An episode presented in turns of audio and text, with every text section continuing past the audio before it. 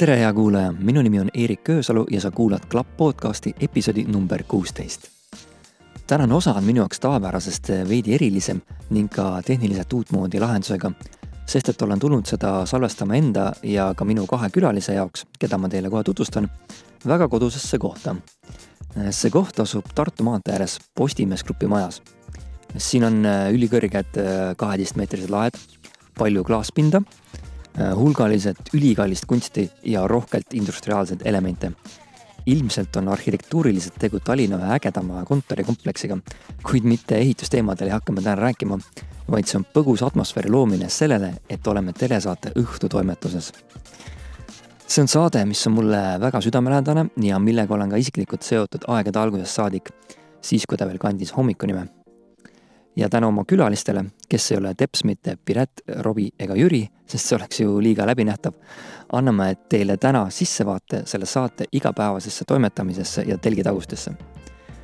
minu tänasteks külalisteks on noored ja andekad ning veidi värskemad õhtu pereliikmed kui ma ise, head kolleegid ja sõbrad, sotsiaalmeediatoimetaja Geir Rämson ja tegevprodutsent Anna-Liise Kalamees. tere tulemast saatesse! tervist, tervist.! nagu ma juba sissejuhatuses natuke seda miljööd oma kuulajatele tutvustasin, siis kuidas te ise võib-olla igapäevaselt siia toimetusse tööle tulete, mis tundega te siia tulete siia, ütleme siia ruumi, kus ühest küljest see on täis erinevaid auhindu, mida on aastate jooksul saadud, erinevaid äh, sihukest ninni, nänni ja kingitusi, mida saadud, teisalt teisel pool vedelevad siin Robert Rooli hiiglaslikud jalanõud ja, ja hunnik riidestange ja kindlasti on kuskil mõni alkoholipõde ka külmkapis peidus no,. et et, et kuidas te ise igapäevaselt, mis, mis tundega te siia toimetusse tööle tulete? no ma arvan, ma tulen tegelikult nagu suht koduse tundega sest äh, paratamatult äh, toimetuses äh, ma veedan äh, statistiliselt no suhteliselt ma ütleks, et samavõrdselt palju aega kui kodus, et äh, see on ikkagi selline kuidagi rutiinne tulek ja selline kodune olek et eh, enne õhtut ma olin ka siin majas juba kaks aastat, ehk siis tegelikult nüüdseks ma olen olnud praktiliselt neli aastat siin majas, natuke vähem, enne me olime teises majas. aga jah, maja on sihuke tuttav ja sihuke kodune tunne ja ega kui siin poleks neid äh, jalanõusid ja riideid ja miljoneid rekvisiite, mis näevad tihtipeale välja nagu prügi, aga omavad väga tähtsat tähendust, kui neid ei oleks, ma arvan, et siis, siis ei oleks ka nõndavõrd kodune keskkond. jah mul, ma arvan täpselt sama, mul on lihtsalt see, et mina tulen äh, natukene hiljem tööle kui võib-olla ülejäänud toimetus, et ma tulen umbes nagu lõuna ajal, sest mul ei ole hommikul nii palju äh, midagi siin teha. aga ma tulen äh, ja tunnistan ausalt äh, iga päev väga hea nagu tundega äh, tööle, et äh,, et jah, täpselt nagu sa ütlesid, hästi kodune tunne, inimesed on ju kõik omad, et äh, väga meeldib siia tulla. me kindlasti jõuame ka teie tööspetsiifikani ka täpsemalt, sest et võib-olla paljud äh, televaatajad ilmselt ei, ei mõtlegi selle peale, et, et ühel saatel võib-olla sotsiaalmeedia toimetaja, seda kindlasti ei ole paljudel saadetel esiteks. ja paljud ei tea ka, mida teeb tegevprodutsent, ilmselt teatakse loomulikult saatejuhte, teatakse, et saatel on režissöör, võib-olla teatakse, et on operaatorid, kuna pilt jõuab eetrisse. siis sellest kõigest me jõuame rääkida. Kuid võib-olla, kui te lühidalt püüaksite kirjeldada oma igapäevaseid tööülesandeid, mis on teie nii-öelda kohustused mm,? no minu igapäevased tööülesanded, no mu kõige, kõige suurem prioriteet ja vastutusala on videovõtted ja ma arvan, et äh, ma tunnen nagu, ma tunnengi väga suurt vastutust nende nii-öelda organiseerimise ja, ja mõtlemise ja, ja plaani panemise osas, sest et ma tean, et väga paljud inimesed tunnevad õhtusaadet läbi videovõtete. Ehk siis äh, see on miski, millega ma kogu aeg tegelen. Igapäevaselt, et äh, kas siis mõtlen välja videovõtteid või siis äh, suhtlen müügiosakonnaga, kuna ma olen nagu meie toimetuses nagu müügiosakonna vahelüli ka, siis, äh, siis äh, ma uurin nende käest, et kas on mingeid ideid tulnud või tihtipeale nad ise, ise siis nii-öelda suhtlevad minuga ja ütlevad, et kes sooviksid koostööd teha, ehk siis selline videovõtete organiseerimine, müügiosakonnaga rääkimine ja, ja samuti ka siis vastavalt päevasaadetele kõiksuguste vajalike rekvisiitide või propside hankimine või valmistamine, mis siis äh, võib-olla õhtul on vaja või siis, kui on mingid keerukamad asjad, mis on lähitulevikus tulemas, siis ma saan hakata juba nendega ka tegelema. põhimõtteliselt need on nagu sellised põhilised kõige olulisemad asjad. Keir, sina pildi paned üles ja töö on tehtud jah? jah, põhimõtteliselt jaa, that's it ei, tegelikult jah, lühidalt öeldes minu ju töö ongi seotud ainult äh, sotsmeediaga, ehk siis äh, ma haldan äh, meie Facebooki, TikToki, Instagrami, postitan meie õhtu veebilehele meie saate lõike ülesse ja Youtube'i laen ka videod ülesse, et kõik see on minu pärusmaa. Tegelikult sa ju veebitoimetaja oled ka sina. jah. et võib-olla jah sa ütlesid, et sa tegeled veebiga, aga sa oled nagu tegelikult veebitoimetaja. seda küll, jah et see kõik, kõik, mis nagu internetti jõuab, see käib läbi sinu sule mm -hmm. tegelikult. sest ongi, et saade, nii kui saade nagu läbi saab, siis äh, vist äh, veebieeter lõikab äh, kõik intekad nagu juppideks ja siis need aetakse ühte keskkonda ülesse ja siis mina pealkirjastan need ja lisan need, avalikustan siis need. et äh, see on üks Äh, töö, mida ma ei teadnud kusjuures, et ma, et ma pean hakkama tegema mm., et äh, ma arvasin, et äh, see ei ole nagu sotsmeediatoimetaja töö, aga, aga tuleb välja, et on ja see on täiesti okei okay.. see on boonusena, sa saad ja, areneda. kusjuures ja sellega on huvitav see, et keeleliselt nagu arened või selles mõttes, et hästi palju on niisuguseid olukordi, kus sa kahtled, et siis sa peadki nagu mingi õige keelt kontrollima, et õige keelt õpib küll päris palju, ma arvan selle veebi toimetamisel. mitte, et sul probleem sellega oleks olnud varasemalt, et sa. okei okay,, noh, võib-olla jaa, aga, aga mingid siuksed nagu kahtlused ikka tekivad, et siis on äh, alati kontrollid üle ja oled jälle targem.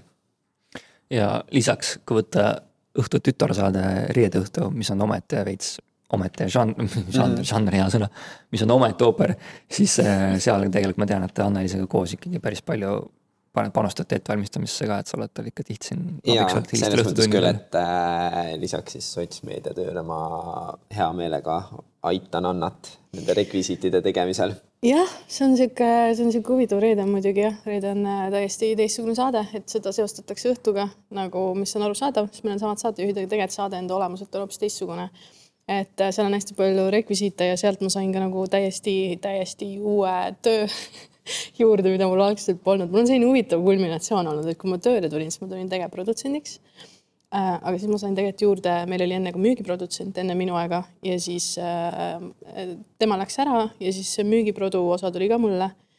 ja siis tuli reede õhtu ja reede õhtus oli vaja, et keegi otsiks ja valmistaks rekvisiite ja, ja siis kuidagi see, ma võtsin nagu selle lüli üle ja ega ma alguses ei teadnud, mida ma tegin, kunstiosakond ei ole nagu miski, millega ma olen ähm, nõndaviisi kokku puutunud, aga mulle hakkas see hullult meeldima. Ja, ja see nokitsemine ja, ja valmistamine ja ehitamine see ongi mulle kuidagi hästi südamelähedaseks muutunud ja kui mul on abi vaja, sest tihtipeale nende ehitamine toimub reaalselt nagu öösel. Nii et peale saadet äh, nokitseme ja see võtab vahepeal, võtab äh, mingi isegi südaööni aega, et oleneb nagu projektist, aga Keir on siis äh, see, kes, kes on mul abis, kui on mingi suurem asi ja mul on väga hea temaga koostööd teha, sest et meil kuidagi kunstiliselt klapib väga hästi, et ja, me nagu just... mõtleme samamoodi, kuidas asju võiks lahendada. ja ma just tahtsingi sama öelda, et, äh, et minu arust ka, et meil nagu klapib nii hästi selles mõttes mm, -hmm. et nagu me mõtleme hästi sarnaselt mm -hmm. ja siis me tegutseme ka nagu võib-olla nagu hästi sünkroonis selles Just, mõttes, et. et see on nagu hästi produktiivne, ma ütleks, kooslus. et lihtsalt nagu kuidagi sihuke hea match ja siis, kui mul on mm -hmm vaja nagu mingisugust abikätt, siis äh, ma esmajoones ikkagi äh, pöördun kunsti osas äh, Keiri poole. kuidas teist üldse õhtu inimesed said? no see on sihuke huvitav lugu, mul on selline nagu selline kronoloogiline ülesehitus, kus igast etapist on sõltunud järgmine etapp. et, et kui ma BFM-is, BFM-is ma tegin baka ja siis ma läksin magistrisse otse edasi, ma mõtlesin, ma panen samas tuules. et praegu nagu jõudu on ja kuidagi tahtmist on ka. ja magistri teisel aastal äh,, ei, isegi esimesel aastal, ma ei mäleta enam, kas see oli esimene või teine aasta, aga ühesõnaga see oli too aasta, kui Tenetit tuldi Eestisse filmima ja BFM-ist äh, kaasati inimesi, kes saaksid seal projektil olla ja ma sain äh, Tenetile tööle, mis on mega elukogemus ja ma arvan, et see on üldse mu elu üks kõige suuremaid highlight'e ja ma kuidagi tol hetkel, kui see toimus, siis ma teadvustasin ka endale seda, et et äh, tõenäoliselt sellist filmiprojekti sellisel mastaabil ma kunagi elus enam teha ei saa, eks ma võtsin sellest nagu viimast. ja Tenetil ma kohtusin ähm, paljude toredate sõbrannadega, kellega ma äh, tänaseni olen äh, hea sõbranna ja üks neist töötas tol hetkel Reporteris, meie siis kõrvaltoimetuses.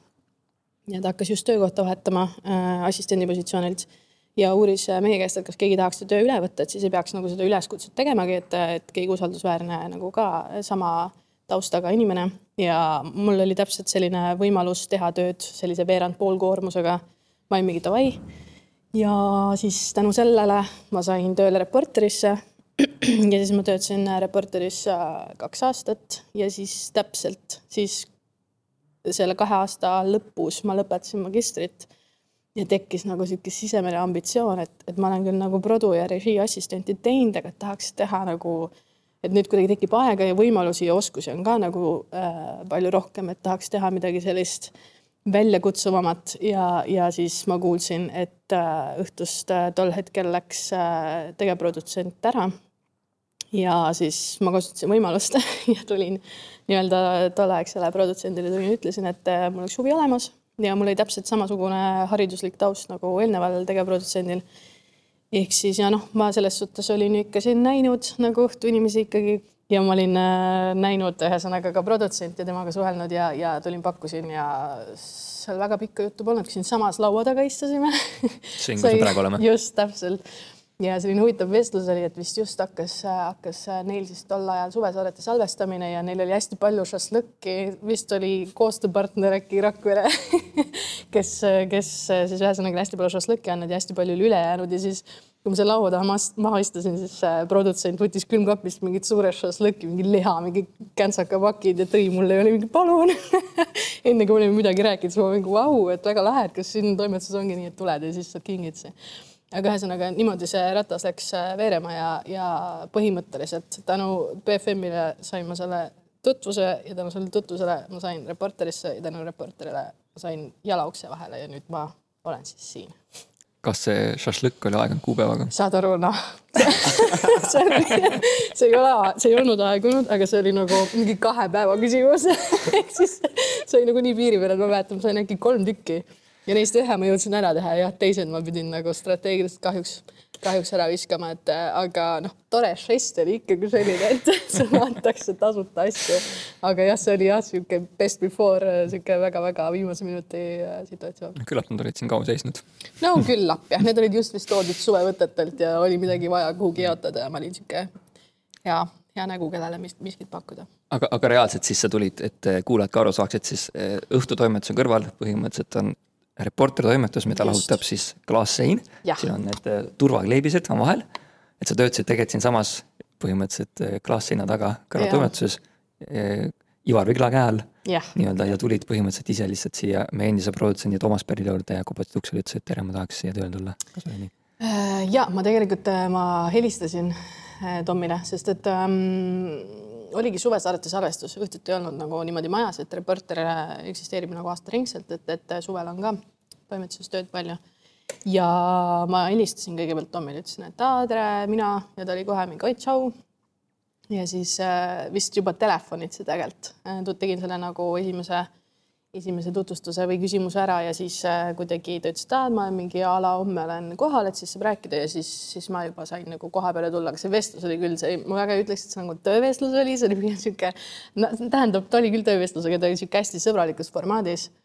ja siis noh, muidugi ma pidin ootama, ma ootasin päris, äh, päris äh, tükk aega, kuni juulikuuni tegelikult vist äkki ja see oli selline huvitav äh, situatsioon, et äh, ma niikuinii hakkasin otsima nagu mingisugust väljundit, midagi veel teha. siis äh, midagi peale Reporterit lihtsalt, et ise edasi areneda ja, ja mulle tuli tegelikult täpselt sel hetkel, kui Tom lõpuks mulle ametlikult selle tööpakkumise tegi, siis mulle tuli ka teine tööpakkumine ruuduproduktsioonist, mis oli küll toimetaja tööle, aga need tulid täpselt samal ajal. ja siis ma pidin kuidagi langetama otsuse, kuigi, kuigi see ruudutöö oli vist väiksema koormusega, ma lihtsalt mõtlesin, et kui ma võtan midagi täiesti uut ette, siis ma tahaks nagu terve energia sinna suunata, et ma ei taha midagi poole kohaga teha. et, et äh, ja siis ma pidin kahjuks loobuma teisest pakkumisest, et aga need jah, tulid huvitaval kombel täpselt korraga. no kõik juhtub selles ja. valdkonnas. kõik asjad tulevad alati korraga või siis ei tule üldse või kõik korraga. Keeri, kuidas sinu lugu on? minul äh, hakkas see kõik niimoodi, et äh, see oli kaks tuhat kakskümmend üks aasta suvi täpsemalt üheksateist juuli. Äh, ja siis äh, ma, ma, ma mäletan, ma tulin kuskilt koju, ma arvan, et see oli mingi pildistamine ja ma tulin koju, ma olin, scroll isin Facebookis ja just umbes sellel hetkel see postitus, et õhtu otsib endale uut sotsiaalmeedia toimetajat, oli üles pandud ja mul oli kohe see, oh my god, et, et kas nagu kandideerida või mitte ja siis ma olin mingi, et okei okay,, et ma kandideerin. ja siis seal oli vist ainult äh, nõutud äh, CV-d ja siis mul olin see, et pekki, mul ei ole seda. ja siis ma tegin selle mingi kümne minutiga valmis. Äh, ja, ja ma mäletan, ma vist tegin veel motivatsioonikirja ka, kirjutasin äh, valmis ja saatsin ära. kas oli nõutud või sa ise tulid selle peale?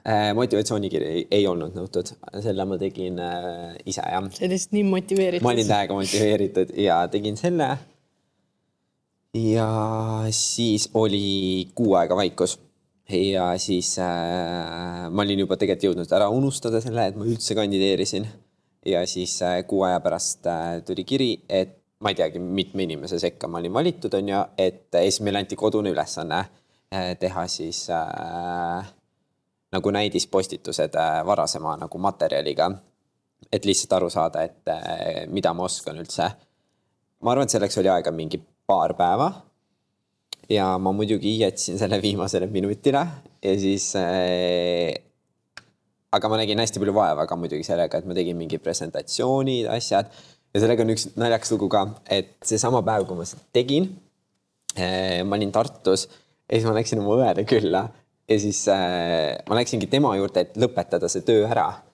ja siis ma kõndisin koridoris ja seal oli ülilibe põrand ja see vaip, mis seal oli see nagu lendas mu jalge alt minema niimoodi, et ma kukkusin nagu täie pasaga nagu äh, sinna kivipõrandale niimoodi, et mu arvuti äh, käis nagu kolks vastu maad. siis ma olin mingi, okei okay,, see on nagu, ei ole hea märk, vaata, et nagu, aga see selleks. Ja siis ma tegin äh, selle proovitöö ära ja saatsin äh, õhtul põhimõtteliselt mingi viimast, viimastel minutitel saatsin selle ära ja siis oli äh, ka äkki mingi kuu aega pausi umbes, täielik vaikus. ja siis äh, mind kutsuti äh, proovipäevale, mis oli siis reede õhtu esimene salvestus.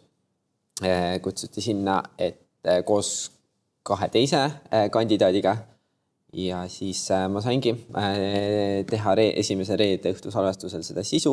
mul oli töövestlus ka ja töövestlusega on niisugune, et see toimus siinsamas äh, laua taga. jälle seesama laud. ja seesama laud, kus Annale pakuti šašlõkki. siis minul oli ka produtsendiga nii-öelda töövestlus. ja ma jõudsin vist mingi kaks lauset rääkida ja siis Anna pistis pea ukse vahelt välja mingi äh,, kas saaks kiiri et meil oleks vaja stuudios kedagi, et nagu, kelle järgi valgust panna, et äh, mingi abikäsi oli vaja. ja siis ma olin mingi ja, et ma tulen ja siis produtsent oli mingi ja, ja, et äh, pärast räägime edasi. ja siis tegelikult me ei rääkinud nagu pärast produtsendiga edasi ja mu ainus mõte oli see, mingi täitsa pekkis. nagu, ma rikkusin ära. ja, ja, et mul jäi töövestlus praegu pooleli ja ma ei saanud rääkida nagu kõike ära nagu, et, et kui väga ma siia tööle tahaks tulla, onju. sest ma lihtsalt pidin minema stuudiosse, et minu järgi saaks panna valguse paika aga jah, ja siis äh, oli, tegime selle salvestuse ära, ma ei mäletagi, kas seal oli üks saade tookord või? ja see oli üks saade, see oli see ja. kõige esimene. kus oli Elina Netša ja, ja Jan, Jan Uuspõld, jah ja siis läksin koju ja siis sellest materjalist pidi uued nagu, uued postitused nagu tegema. aga ma jäin äh, haigeks see õhtu, kusjuures niimoodi, et mul tuli mingi räige palavik ja mingi asjad. ja siis äh, ma see õhtu ei teinud seda ja tegin järgmine hommik, hakkasin neid tegema ja saatsin juba mingid esimesed ära, ütlesin, et sorry, sorry, et äh, ma saadan natukene hiljem ülejäänud, et ma olin mingi terve öö üleval haige. ja siis läks natukene aega mööda ja produtsent helistas, ütles, et, äh, et noh, et need juba, mis ma saatsin ära, need paar tükki, et need väga nagu meeldisid kõigile. et, äh, et tule esmaspäev tööle. ma võin natuke taustainfot rääkida seoses Keeri valimisega ka, sest et ma olin siin komisjonis jõuame selleni kohe, ma ennem korra küsin vahele siia, et sa ütlesid, et sa olid äh, väga motiveeritud ja mm -hmm. üli nagu excited tundus, et olid ka, kui sa nägid mm -hmm. seda kuulutust mm. -hmm. miks nii?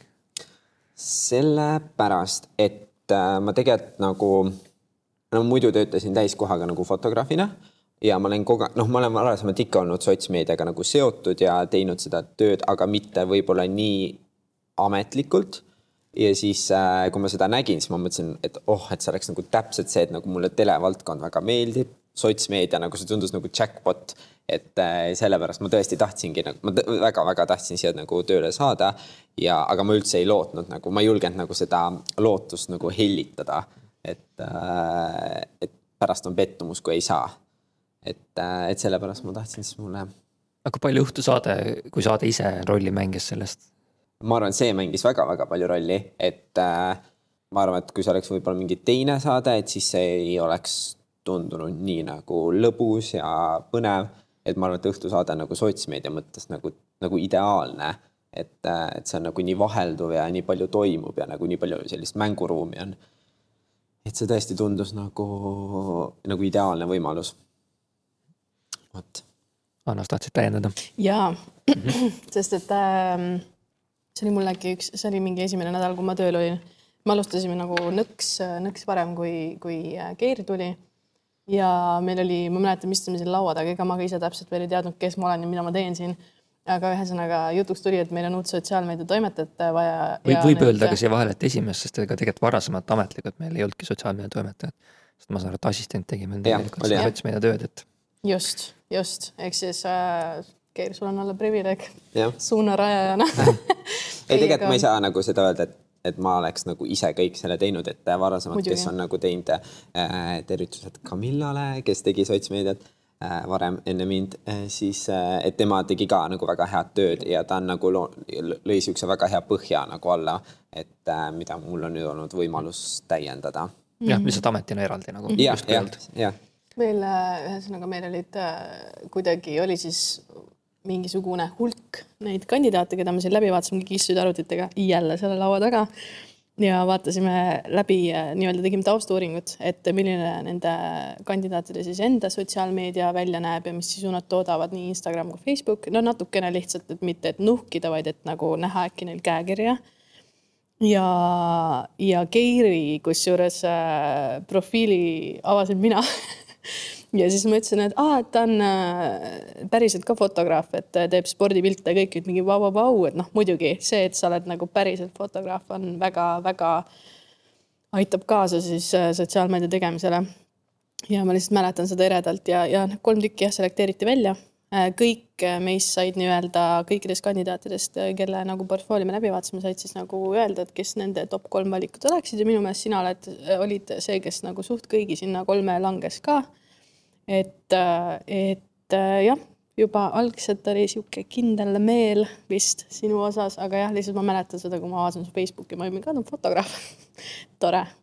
Äh, kui ma õigesti mäletan, siis minust kokku inimesi, kes üldse kandideeris sellele ametikohale, oli äkki mingi kuuskümmend inimest et no, nagu tegelikult päris suur päris äh, nagu kogus äh, inimesi, kes äh, siia tahtsid tulla. ja sealt tegelikult nagu meie ei teinud esimest filtreerimist, esimese mm -hmm. filtreerimise tegi tegelikult, tegelikult see mm, tolleaegne Kanal kahe sotsiaalmeedia toimetaja mm. -hmm. et Laura oli tegelikult see, kes minu meelest esimese sellise filtreerimise mm -hmm. tegi enda siis sotsiaalmeedia silma läbi ja siis siis sealt edasi äkki kakskümmend, kolmkümmend kandidaati olid need, kes jõudsid ka nagu meie lauale, et, et nii-öelda pilt peale visata.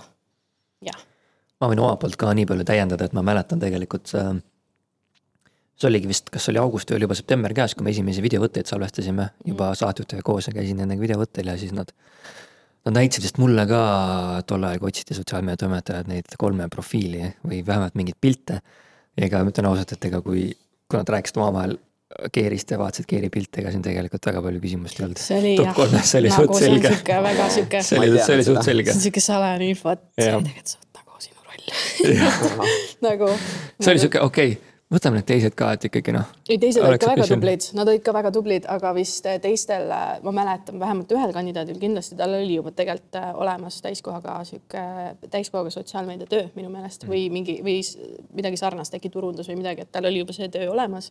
et kuidagi Keiri puhul vist seega, et ta oli ajaliselt üsna paindlik, et ta saaks täitsa tulla mm -hmm. ja olla siin, et, et see on ka nagu väga hea argument. absoluutselt, ei tee teisi kindlasti maha, vaid lihtsalt ei, see tundus, et et sinu see käekiri mm -hmm. oli nagu täpselt õige, see klikk oli ka kuidagi nagu olemas, et see pusetükk nagu sobistus õige kohale, et, et see oli juba tegelikult suhteliselt selge. mega. nii et sa ei pidanud pabistama selle vestluse pärast, kui sind ära tõmmati, sest tegelikult sa olid juba tööl ilmselt seda. aga no selle, ma kusjuures mäletan hästi vähe sellest päevast, et ilmselt ma olin siis väga närvis. et äh, ma mäletan hästi mingeid üksikuid asju, näiteks seda, et Anna röövis mind töövestluselt. et aga jah, muud ma väga nagu ei mäleta, et äh, või noh, ilmselt see nagu pinge oligi nii suur sees, et äh, aga lõpuks läks ikka kõik hästi. No sa, Keir, veidi juba rääkisid, et see reede õhtu oligi su esimene, okei okay,, see oli tegelikult proovipäev, on ju. võib-olla kui sa meenutad oma esimest päris tööpäeva mm, -hmm. Anna, sina samamoodi, et mida te mäletate oma kõige esimesest tööpäevast? Äh, no mul oligi see, et see viimane siis see nagu reede õhtu need proovitööd ma saatsin ära, äkki see oli mingi reedene päev või isegi laupäev ja mulle produtsent helistas, ütles, et davai, esmaspäev näeme tööl ja ma tulin siia tööle ja tegelikult mul oligi see, et äh, sellesama päeva õhtul oli ju saade eetris ja eelmine sotsmeedia toimetaja oli juba oma uuel tööl ja mitte kedagi ei olnud, mul ei olnud sellist nagu sisseelamise aega, et ma tulin siia, istusin maha ja ma juba hakkasin tööle. ja ma mäletan seda, et äh, et noh, ikka mingid paroolid ja asjad nagu sellised mingid detailid on ju, mida nii täpselt veel ei tea, et kuidas midagi käib ja siis ma vist äh, pöördusin iga asjaga vale inimese poole. sa pöördusid suht palju minu ja. poole, ma olin mingi, mm, mulle, ma just tulin ka. ja, ja et oligi, et äh, ma pöördusin just küsimustega vahepeal valede inimeste poole, sest ma täpselt ei teadnud ka, et kes on nagu kes ja kes mida teeb ja kes, mis, kelle nimi on ja mis iganes. et siis ma hästi palju küsisin nagu Annalt äh, mingi küsimusi, mille vastust ta tegelikult ei teadnud. aga jah, Essa tööpäev, ma väga nagu detailselt ei mäleta seda.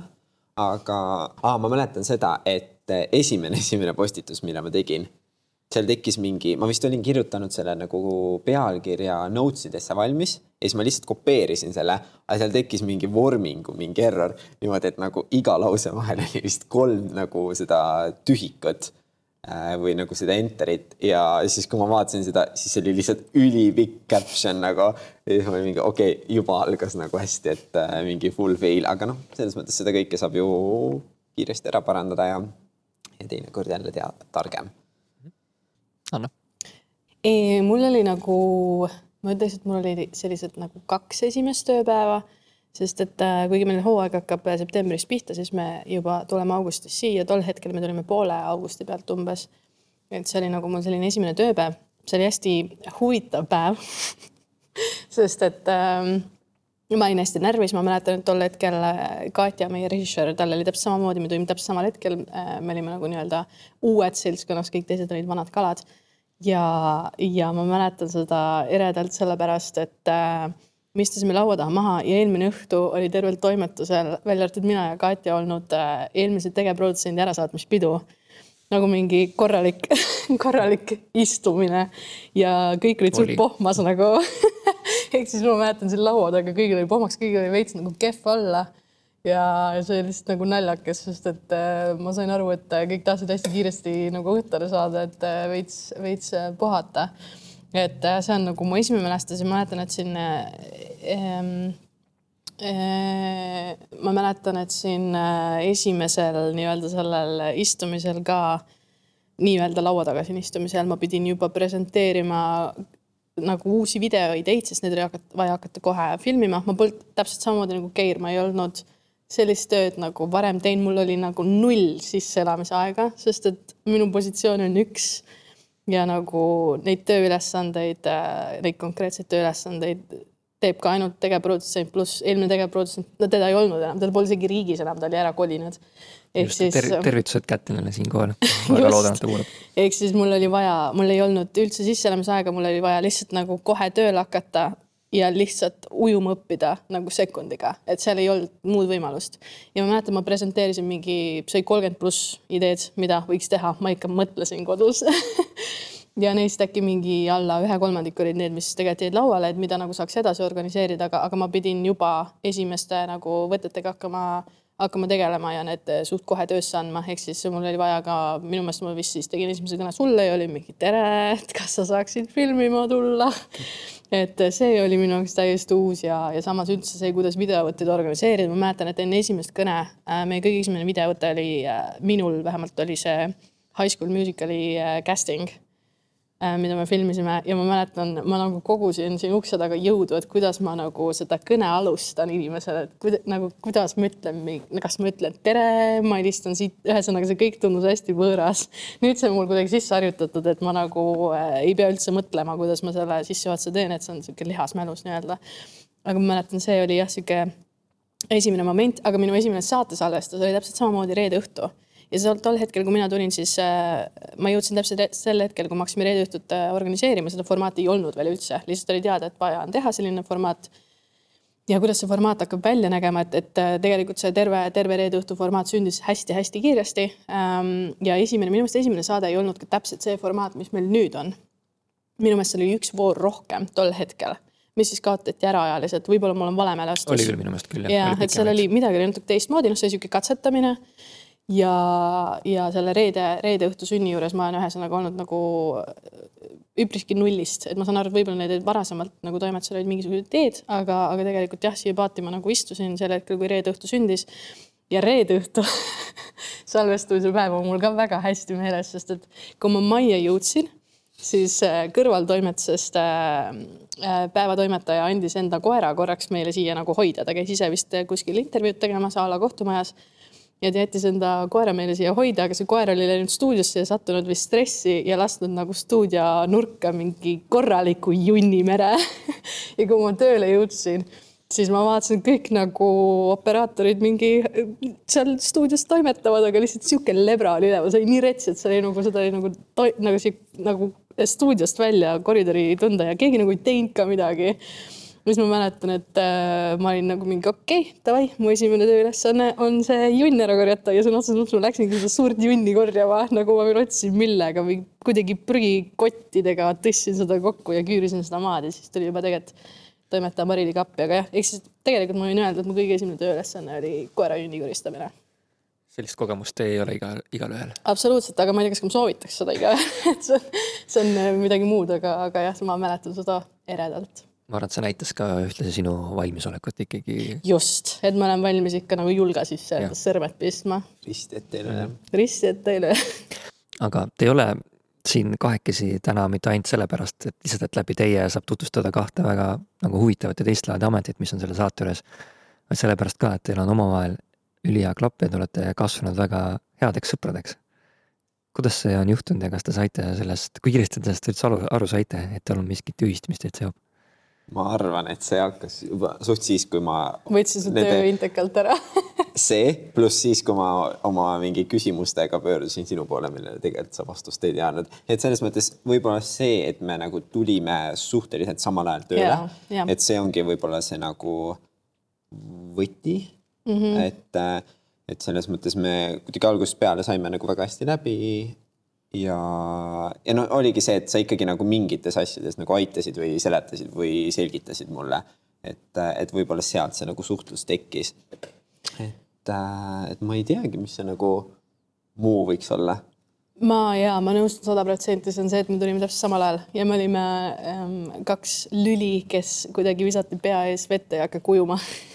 Et me kuidagi, ma arvan, meie teekond oli nagu sarnane et me olime mõlemad sellest sellised äh, rohelised ja, ja hästi kiiresti oli vaja hakkama saada ja ma arvan, et see kuidagi see samastumine vast, kuigi mm -hmm. tööd on erinevad, aga, aga tänu sellele ma arvan, tekkis sihuke esma, esma sihuke hea klapp, pluss lisaks no meil ei ole vanusevahe nii suur, meil on suht sarnased naljad ja sarnased äh, mitte sarnased naljad, vaid meil ongi sama huumorimeel, mis kindlasti aitab kaasa ja tänu sellele lihtsalt kuidagi sarnased inimesed ähm, ja samal hetkel saabunud. Ja ma arvan, see oli niisugune ühendav, ühendav jõud ja see on kuidagi kestma jäänud, et Keeriga on jah, tore on see, et et me nagu äh, tööl saame hästi läbi, aga, aga me saame ka niisama vabalt rääkida niimoodi, et me ei räägi tööasjadest, et ma arvan, et enamus nagu mingi viiskümmend protsenti ajast vähemalt me ei räägi tööasjadest, me räägime nagu mingitest äh, lollidest videotest, mis me nägime või TikTokist või kuidagi üleüldisest elust, äh, mis me tegime, et, et, et see on nagu tõesti selline sõprus,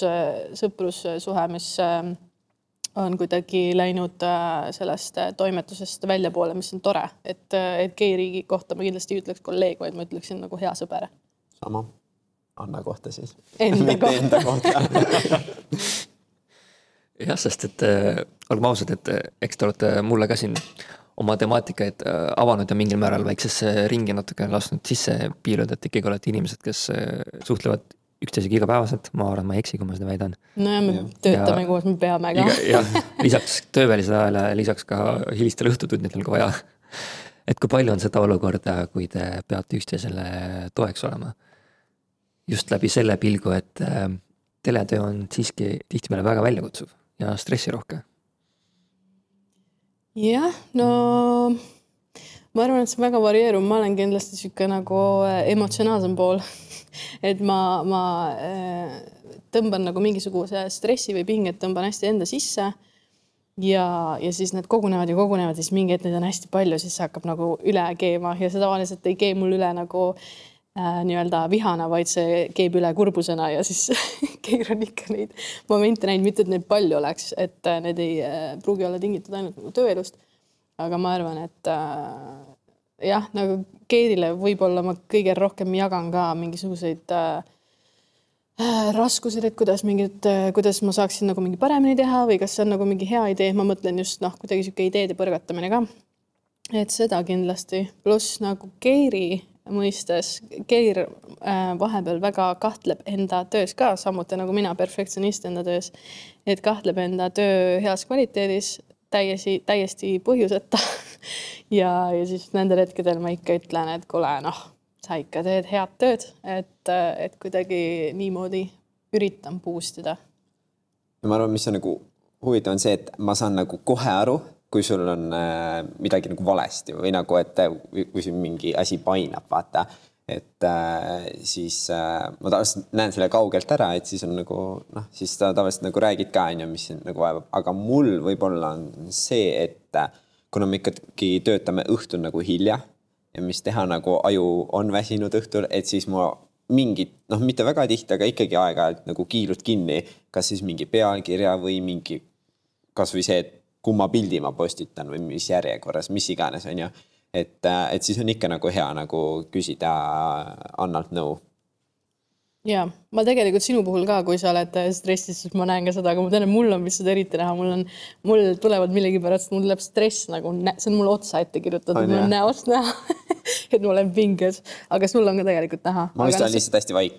jah, sa oled ka hästi vait muidu ma räägin. ma olen ka vait sarnaselt, aga, aga jah, seda on näha, aga ma arvan, et taaskord seda peab oskama näha, et nagu igaüks mm. ilmselt ei näe seda, aga jah, kui sa oskad näha, siis, siis. ei no ma arvan, see on paratamatu, et siukseid nagu ma ei tea, pingelisemaid hetki nagu tekib või selliseid nagu Just. madalamaid hetki, et, et siis nagu peabki olema toeks. aga mis on seniajani võib-olla olnud teie jaoks kõige väljakutsuvam siin saates töötades? No ma arvan, et kõige väljakutsuvam ongi see, et kuna tegemist on igapäevasaatega, mis ma ise nimetan, et sa nii-öelda nagu näiliselt igal päeval alustad nullist. mis tähendab, et äh, eesmärk on äh, õhtul saade eetrisse saada ja sul ei ole varianti, et ah, tead, täna ei jõudnud, et teeb homme, see ei ole variant. et meie tööl on, äh, sa pead otsima kogu aeg lahendusi ja, ja neid lahendusi tuleb otsida paratamatult, et see ei, see ei pruugi olla nagu äh, meist äh, või noh, tihtipeale see ei olegi meist endast tulenev, et lihtsalt ongi külalised jäävad haigeks või midagi kukub ära või mis iganes, samuti videovõtetega midagi kukub ära, sul on vaja otsida hästi kiiresti uus lahendus. et äh, ma arvan, selline pingetaluvus äh, mingites nii-öelda stressirohkemates olukordades, mis ongi kiirete lahenduste otsimine, et see vast on, ma ütleks, niisugune märksõna, et sa pead suutma kuidagi hästi kiiresti lahendusi leida ilma, ilma paanikat külvamata. et äh, see on kindlasti, ma arvan, üleüldiselt mitte ainult mul, vaid nagu teistel lülidel ka selline oluline, oluline oskus ja see tuleb samuti, see tuleb ajaga äh, ja ega see ei muutu meeldivamaks selles suhtes, et kui sul on vaja leida kiirelt mingeid lahendusi, aga sa õpid sellega kuidagi paremini toime tulema, saadki aru, et see lihtsalt paratamatus, see on elu ja ja ega see ei ole ainult meie tööl, ma arvan, see on väga paljudel teistel töödel ka, et need ei pea isegi telesaated olema, aga see, aga see lihtsalt on selline, selline valdkond ja selline töö, et kui sa teed igapäevast saadet, siis sa pead lihtsalt olema valmis ootamatusteks ja, ja nendega toime tulemiseks ma arvan, et mul on sama, et see nagu tempo on hästi nagu kiire, ja, ja noh, nagu sa ütlesid, saade ongi iga päev nagu eetris ja, ja meil nagu saade ja sotsmeedia käivad suht nagu käsikäes. ehk siis hästi palju tuleb nagu uut sisu peale ja jah, peabki olema nagu kiire, et nagu selles mõttes mitte jääda nagu mingi asja postitamisega nagu väga hilja peale. Et äh, aga kuna ma olen selline perfektsionist, et mulle meeldib nagu kõik hästi läbi mõelda, et ta oleks, moodustaks niisuguse nagu ühtse terviku võib-olla nagu võib-olla tekste tahaks kauem läbi mõelda, et siis see on minu jaoks, ma arvan, see kõige suurem challenge. et äh,, et jõuda nagu võimalikult kiiresti äh, asjad nagu teha täpselt nii, nagu ma ise seda tahaks teha. ja noh, kuna mu töö on ikkagi suht loov, siis äh, hästi raske ongi selle tempo kõrval nagu püsida nagu värske ja nagu loominguliselt selline nagu, ma ei teagi, mis see sõna võiks olla. et äh, jah, et tuleks kogu aeg neid uusi ideid, vaata et äh, see on, ma arvan, kõige suurem väljakutse minu, minu töö puhul siia on võib-olla hea üks küsimus suskata vahele, tehniline just sulle, Keir, et et võib-olla on kuulajatel sarnane küsimus tekkinud, et et need postitused, mida sa pead tegema siis erinevatele platvormidele, kas see on ka mingil määral automatiseeritud ja kui palju see on või sa pead seda ikkagi tegema ka reaalajas tihtipeale? kuna iga platvorm on väga erinev, et äh, Instagram on omamoodi, TikTok on omamoodi, Facebook on täiesti omamoodi, et siis äh, igale platvormile ja sam-, muidugi see ka, et nagu igal platvormil on erinev jälgijaskond erinevas vanuses. Äh, et siis nende järgi tuleb ka seda veidike kohandada, seda sisu. Et kui ma Tiktokis näiteks olengi hästi nagu nooruslik, siis võib-olla ma Facebooki päris sedasama caption'it ei saa kirjutada Caption'it ehk siis pealkirja. pealkirja, just me võime estonglist ka rääkida vahepeal aga ja oota, mis su küsimus täpselt oli? seda, et kas sa saad näiteks neid postitusi ka ajastada ah,? kasutad sa selleks, ma ei tea, Buffer ja mingid siuksed asjad, mis ma saan ajastada Youtube'i videoid, sest need on juba ette tehtud, seal otseselt midagi ei muutu. Äh, Instagrami ma üldiselt midagi ei ajasta, sellepärast et see kõik ongi hästi selline vahe, äh, vahetu ja kiire, et selles mõttes äh, noh, näiteks, et ma ei tea ju homme, mida ma postitan, sest võib, võib-olla saate teemad ei ole üldse nagu teada veel, et need võib-olla selguvad alles homme, et, et selle, see, ma arvan, ongi see tele nagu võlu ja valu, ma arvan mm, -hmm. samas nagu või noh, ühes, et et ma ei tea kunagi vaata, mis saab, et ma ei tea väga palju asju ette ja ma ei saagi väga palju midagi ajastada, et äh, video, ma saan ilmselt ajastada asju üks päev ette. aga ma teen seda väga harva, et mulle ikkagi meeldib otse postitada, et siis ma näen kohe nagu, mis äh, tagasiside sealt tuleb. kas siis..., kas näiteks ka juhul, kui tegu on reede õhtu saatega, mis on nädalaid ette salvestatud ja saade on eetris siis teatud nädala reede õhtul mm, -hmm. siis sa teed need postitused vahetult enne saadet ise füüsiliselt äh,? Instagrami puhul näiteks? jaa, ma reedete puhul ikkagi teen reedel, sellepärast et äh, ma ütlen ausalt, mul nädala sees ei ole seda aega, sest neljapäeval ma tegelen neljapäevase saate postitustega, kolmapäev kolmapäeva omadega. et äh, reede ongi nagu see päev, kui ma tegelen reede postitustega tegelikult. kas sa pead seda kõike meeles või sa ikkagi, sul on kalendris lihtsalt meeldetuletusi kümneid, et sa jõustaks neid? jah, õigel ajal.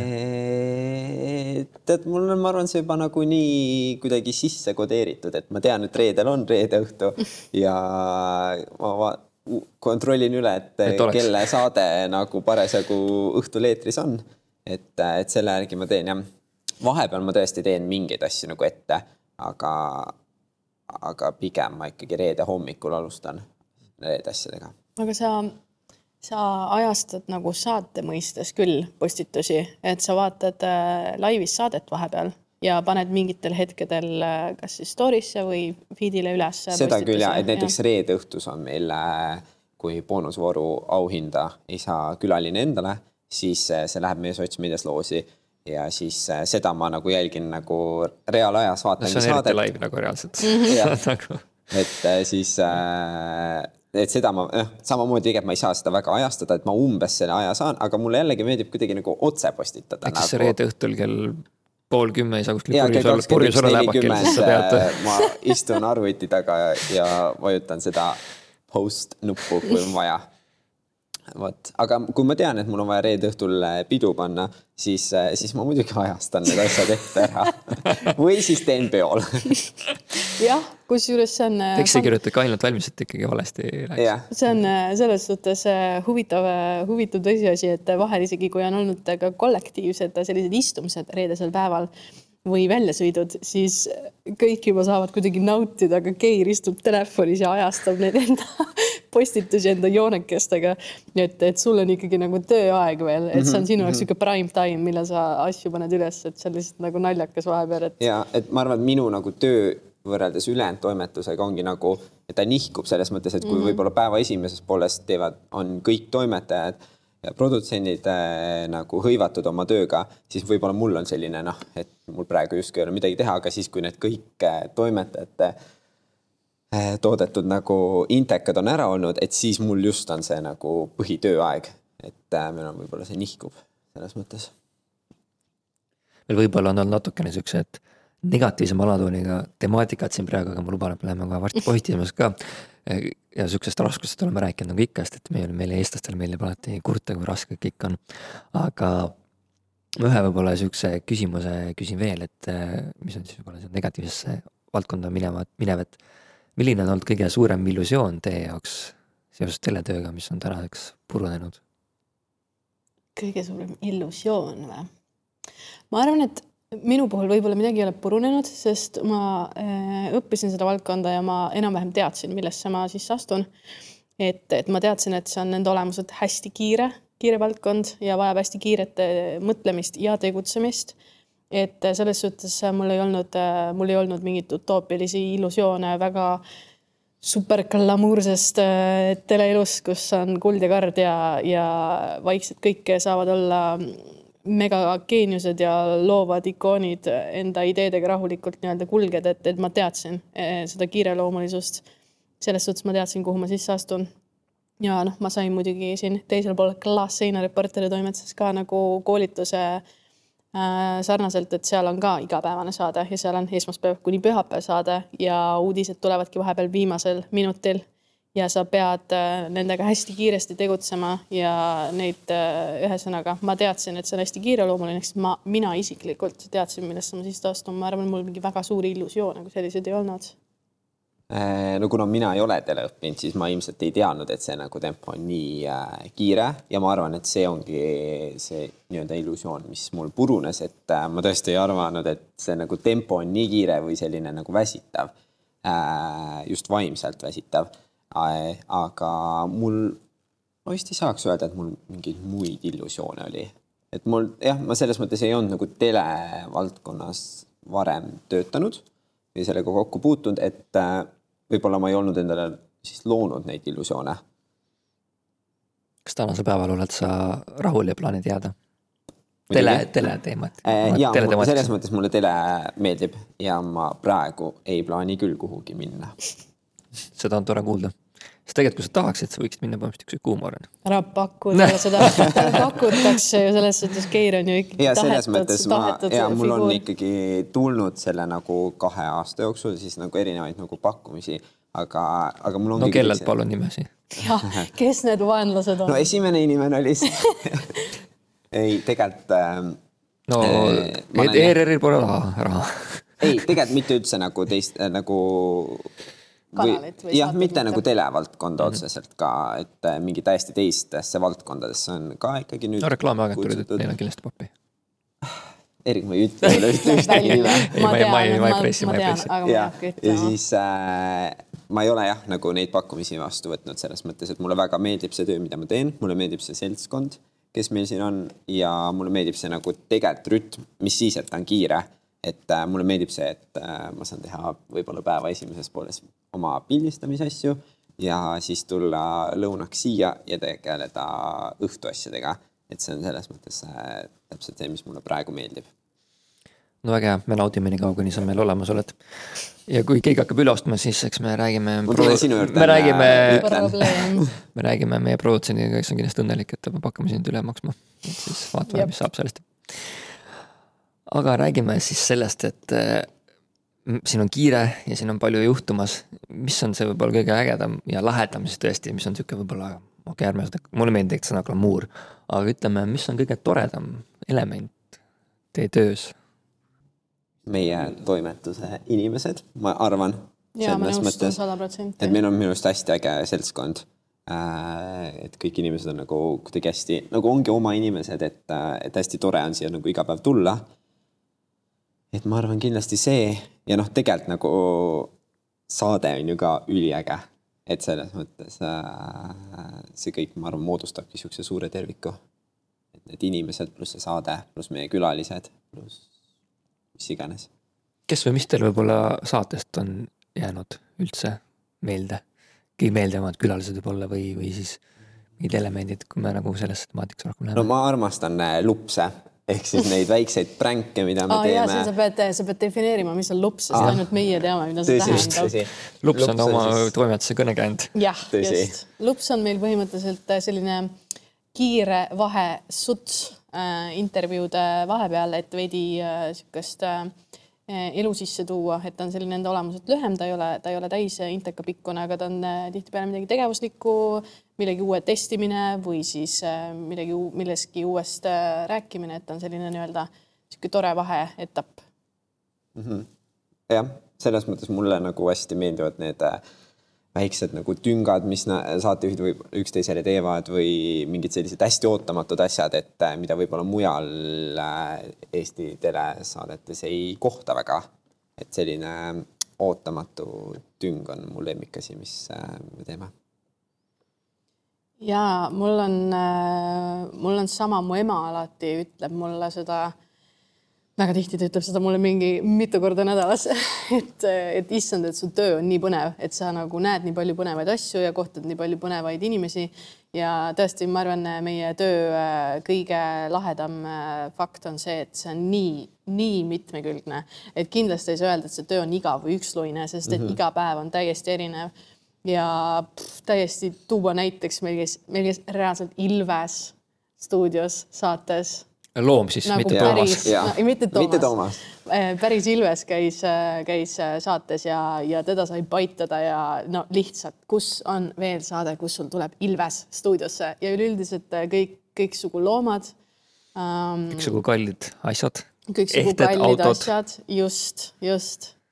Pluss äh, need äh, videovõtted. et tegelikult me satume ikkagi, me kolmekesi ju käime videovõtetele kaasas. Äh, nüüd jah, autos on kole kitsas, kui te hakkasite kaasas käima. me peame kahe autoga minema, siis me ei mahu ära Eerik, sa võid tulla jala aga et me pää, nagu saame käia sellistes kohtades võib-olla, kuhu muidu mitte kunagi mitte nagu ei trehvaks, on ju. et nagu täpselt mingi, ma ei tea, kui ma mõtlen mingi lennujaama. no lennujaam on väga näide just, lennurajal. jah, et nagu kes sind muidu laseb äh, lennurajale, aga kui nagu lasegi, tänu jah. meie videovõtetele meil on olnud see nagu võimalus nagu käia siukses kohas. käinud täiesti uskumatutes kohtades, no videovõtted on tõesti sellised, vahepeal peab nagu endale meelde tuletama, äh, et äh, kui lahedaid asju sa siin saad kogeda, et endale peab selle nii-öelda reality check'i tegema, mida ma vaheldava eduga teen, et tõesti lennujaam on hea näide ja mis iganes, kõik mingid tootmisliinid, kuhu mitte kunagi inimesed ei pääse, mitte kunagi nad ei tea, kuidas see töö välja näeb et meil on lihtsalt äh, võimalus minna ja proovida ja, ja see on selline, kõik on hästi eredad ja toredad mälestused. silmaringi nagu avardav ka. absoluutselt, pluss tulles tagasi nagu äh, korra selle kollektiivi juurde, siis tõesti, meil on nagu megakollektiiv, meil on no enam paremat nagu äh, tiimi ei, ei saa endale soovida, et kõik inimesed klapivad omavahel. ja meil on selline hästi-hästi suur meeskonnatöö ja, ja noh, ühesõnaga ainult kiidu, kiidusõnad. ma olen nõus tõite juba sisse need äh, videoarvutusi ja räägime natukene paar sõna nendest, et äh, mis teile nendest võib-olla kohe meelde tuleb, kui te täiendaksite natuke oma videoloo eufooria mõtet? issand, äh, see on huvitav küsimus, sest et neid videolugusid on nii palju, et ma tihtipeale unustan ära, mida me isegi eelmine nädal filmisime Sama et, et see on reaalne, reaalne probleem, kui inimesed küsivad, siis ma pean hakkama äh, mõtlema, mõtlema väga korralikult. ma olen ise endale Youtube'i ka salvestanud endale playlist'i nendest, sest lihtsalt muidu ei mäleta nagu.. ei mäletagi, see on, see on täiesti sürr, aga ei, äh, ongi äh, noh, hiljuti oligi lennujaamal jälle väga lahe. See lihtsalt tuleb meelde, et lennujaamas me oleme tegelikult varasemalt ka käinud, see, et meid üldse sinna lastakse, see kõik on nagu, see kõik on mega lahe ja issand jumal, me oleme tõesti, no mida me teinud ei ole, et see ongi see küsimus, millega mina hästi tihti silmitsi Just. seisan. et mida me teinud ei ole, sest et äh, õhtusaateid on ju olnud praktiliselt seitsesada nüüdseks. kohe saab täis siit seda jah. just ja videolugusid on eetris hetkel kaks korda nädalas, varasemalt oli kolm korda nädalas ja niimoodi iga nädal. ehk siis iga nädal on vaja kaks uut videolugu filmida. ja, ja see mõtlemine ja, ja planeerimine, see on ikkagi äh, päris huvitav, ta on huvitav igatahes, sest et ma saan väga huvitavate lülidega äh, suhelda seda tehes ja, ja see ähm, organiseerimine on selles suhtes ka mitmekülgne, et see oleneb täiesti, mis kohaga sa räägid, on mingid kohad, kus on hästi äh, organiseerimine palju keerulisem, sest et seal ongi turvakaalutlused ja neid turvakaalutlusi on päris palju, need on suuremates ettevõtetes, tehastes äh,, lennujaamad, kõik äh, kuidagi militaarasjadega seotud asjad. mul on hetkel käsil üks selline suurem planeerimine, mis on nagu päris keeruline planeerimine, sest et selle jaoks on ka vaja isegi mingeid tervisetõendeid teha Äh, saatejuhtidel ja, ja, ja sellised on sellised äh, korralikumad äh, planeerimise ampsud nii-öelda uhuhu, nii raske küsimus, nagu mul vist ei ole ühte sellist konkreetset lemmikut, et mida ma, ma ei tea, iga päev käiks vaatamas uuesti. aga minu arust noh, neid videoid tõesti, nagu Anne ütles, on nii palju ja nad nagu ongi kõik väga omamoodi ägedad. aga minu arust Burger Kingi loos, kus see Piret ja Robbie olid Burger Kingis, oli minu arust millegipärast nii naljakas. et see mul on nagu meeles. aga ma olen nõus, et lennujaama lood, et mul nagu vaatajana oli ka nagu va- äh, hästi huvitav seda nagu näha, mis siis, et me käisime seal ise kohapeal, onju. et, et jah, ma ei siinkohal on tegelikult oluline ära märkida, et meil on mega, mega maailmaklass hea äh, videomonteerija ka, Kristjan, kes, kes äh, annab videotele hoopis, no päriselt, ma ei ole kuskil mujal näinud äh, telemaastikul sellist käekirja nagu Kristjanil on, see on hästi äratuntav ja see on ka miski, mida üks põhilisi küsimusi, kui mitte esimene, mida mult alati küsitakse seoses õhtusaatega, et kes teie videoid monteerib sest et see lihtsalt, kui sa oskad näha neid pisi, pisidetaile, mis on kõik need heliefektid, mida ta lisab Minecraftidest ja ja muudest mängudest RuneScape ides, siis see on täiesti maailmaklass. Et ta annab kuidagi sellele hoopis mingi teise tähenduse, aga Keir, sul on tegelikult kaks videolugu, mis me oleme teinud, mis on megalahedad videolood mõlemad, kus sul on olnud päris nagu kandev roll tegelikult hiljem. üks neist on GIF-ide tegemine ja teine on filmiplakatid mm. -hmm. tõsi. just no näiteks GIF-ide videoga vist oli see, et äh, mul vist tuli kuskilt see mõte, et seda teha mm -hmm. ja siis ühel hetkel te juba filmisite seda ja mm -hmm. siis äh, noh, see video oligi see, et saatejuhid filmisid green screen'il enda emotsioone. liigutusi ja emotsioone ja siis äh, meie seesama monteerija Kristjan lõikas need pärast välja ja siis ma laadisin need siis ühte keskkonda üles, et need jõuaksid igale poole üle sotsmeedia nagu Kifi. üldkasutusse. üldkasutusse just. Et äh, see oli selline asi, mida me ei olnud varem üldse teinud, et see oli lihtsalt üks idee, Anna Jubar kundis selle ära.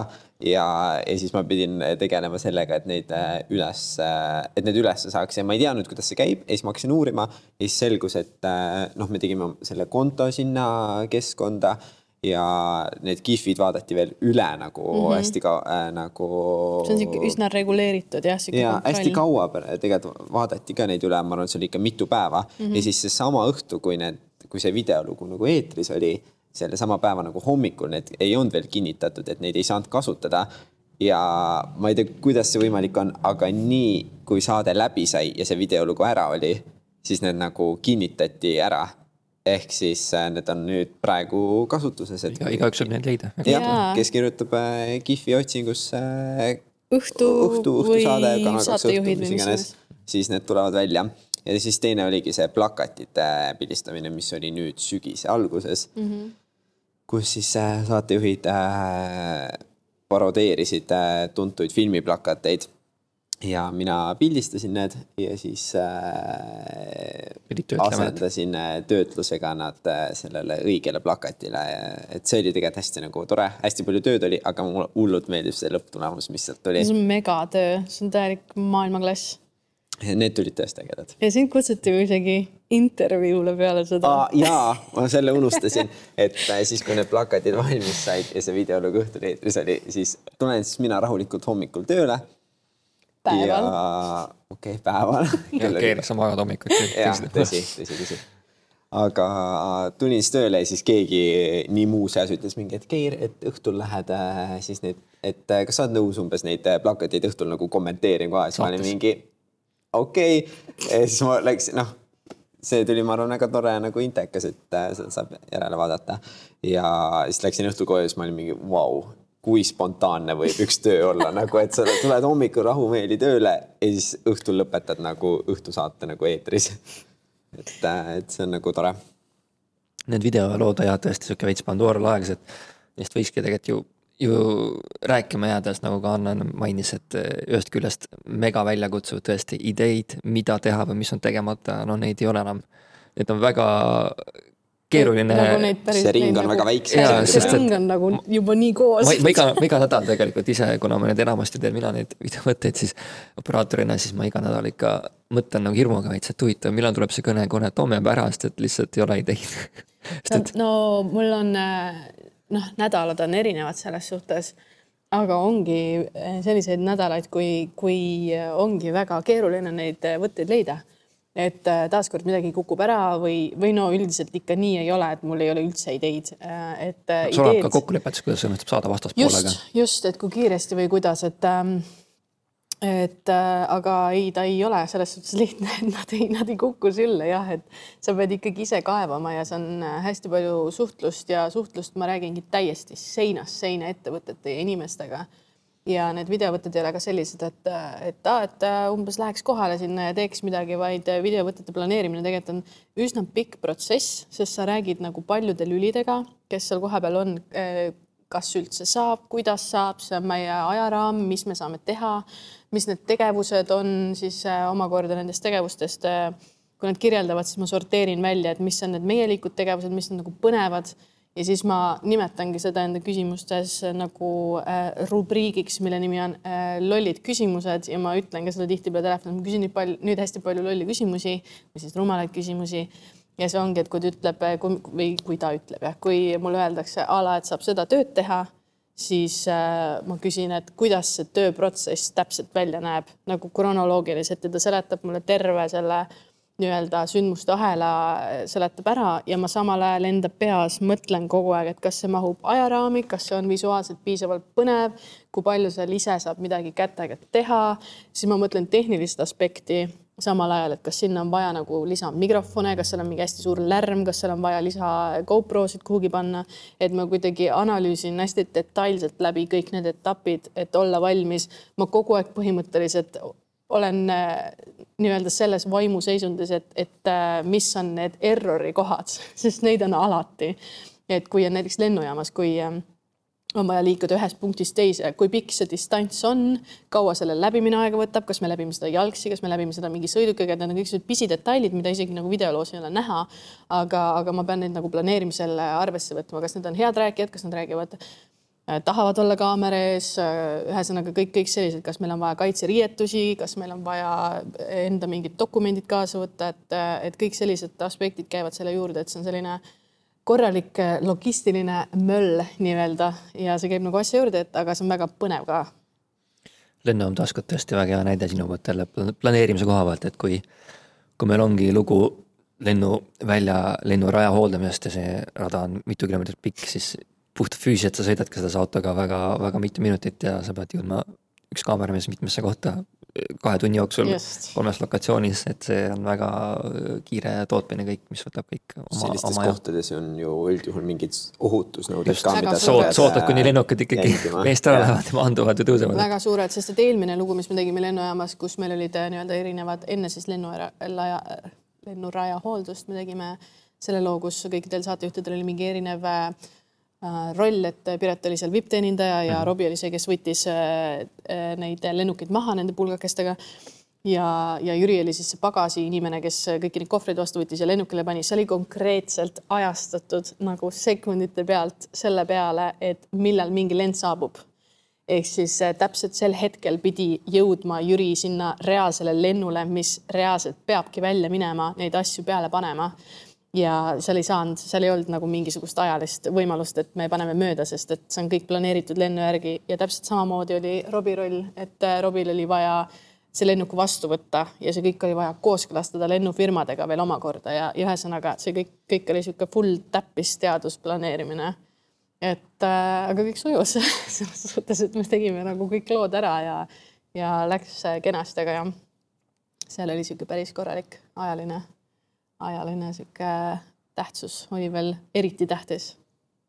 veidi veel täiendan omalt poolt ka, et ei saa kindlasti unustada seda, et lõpuks need stsenaariumid paljuski, sa võid ette mõelda, kõik asjad, mis sa aeg saad, sünnivad siiski väga koha suuresti ka koha peal mm. -hmm. esiteks sulle selguvad koha peal viimased nüansid, detailid, sa näed füüsiliselt ruumi kui sellist ennast või mhm. tegevust mm. -hmm. ja loomulikult meie üliandekad saatejuhid ka, kes need stsenaariumid enda järgi mugandavad koha pealt, käigu pealt ja selle ära deliver davad, et see on selline hindamatu oskus, mida see väga paljudel ei ole, ilma nendeta see asi ei, samamoodi ei toimiks mitte kuidagi. mitte, nad on äh, täielikud improjumalad, et, äh, et ükskõik, mis võib teada olla, aga, aga ikka need errorid, mida ma üritan likvideerida, neid ikka vahepeal tuleb ja neid tuleb täiesti ootamatute kohtade pealt, isegi äh, inimeste jaoks, kes ise kohapeal on, aga saatejuhid, see, kuidas nende see kohastumisvõime on niivõrd kiire ja nad äh, omavahel, nad täiendavad üksteist äh, meeletult, et neil kolmekesti lihtsalt need äh, mõtted hakkavad lendama ja üks ütleb, pakub ühte asja, teine teist, kolmas seda blablabla bla, bla. kui me koha peale jõuame, siis tegelikult ma ütleks, et mingi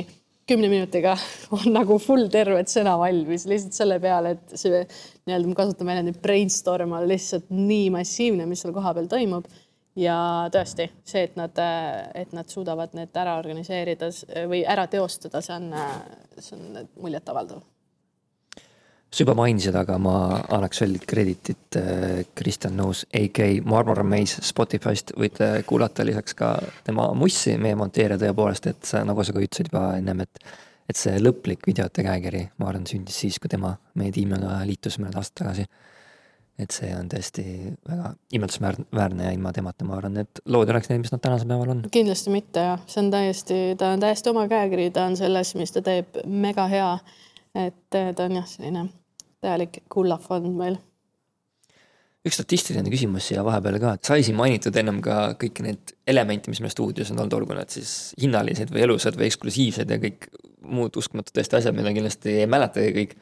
siis ma toon siia ühe väikse fun fact'i sisse, enne kui ma lasen teil vastata, kes on teie lemmikkülalised olnud, siis kas te teate, kes on see külaline, kes on meil kõige rohkem käinud õhtu saat-, õhtusaate erinevates vormides, võib siis olla nii reede õhtu kui ka videolugu, kes see võiks olla? Ott Lepland on mu first pick. tahtsin öelda nööp. aga ma arvan, et noh, Ott Lepland on õige vastus. või. või Koit Toome, jah. kumb kõik väga huvitavad pakkumised, kõik ka kindlasti väga palju käinud. kõik on valed. aga vale. ei ole tegelikult, tegelikult oli Ott Lepland õige vastus ah,.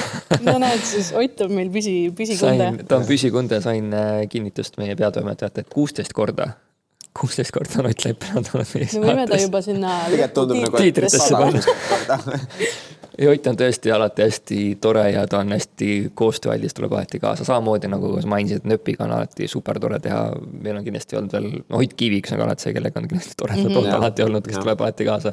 Neid on, neid püsikundesid on tegelikult palju. aga kes on võib-olla siis teie enda võib-olla lemmikkülalised olnud?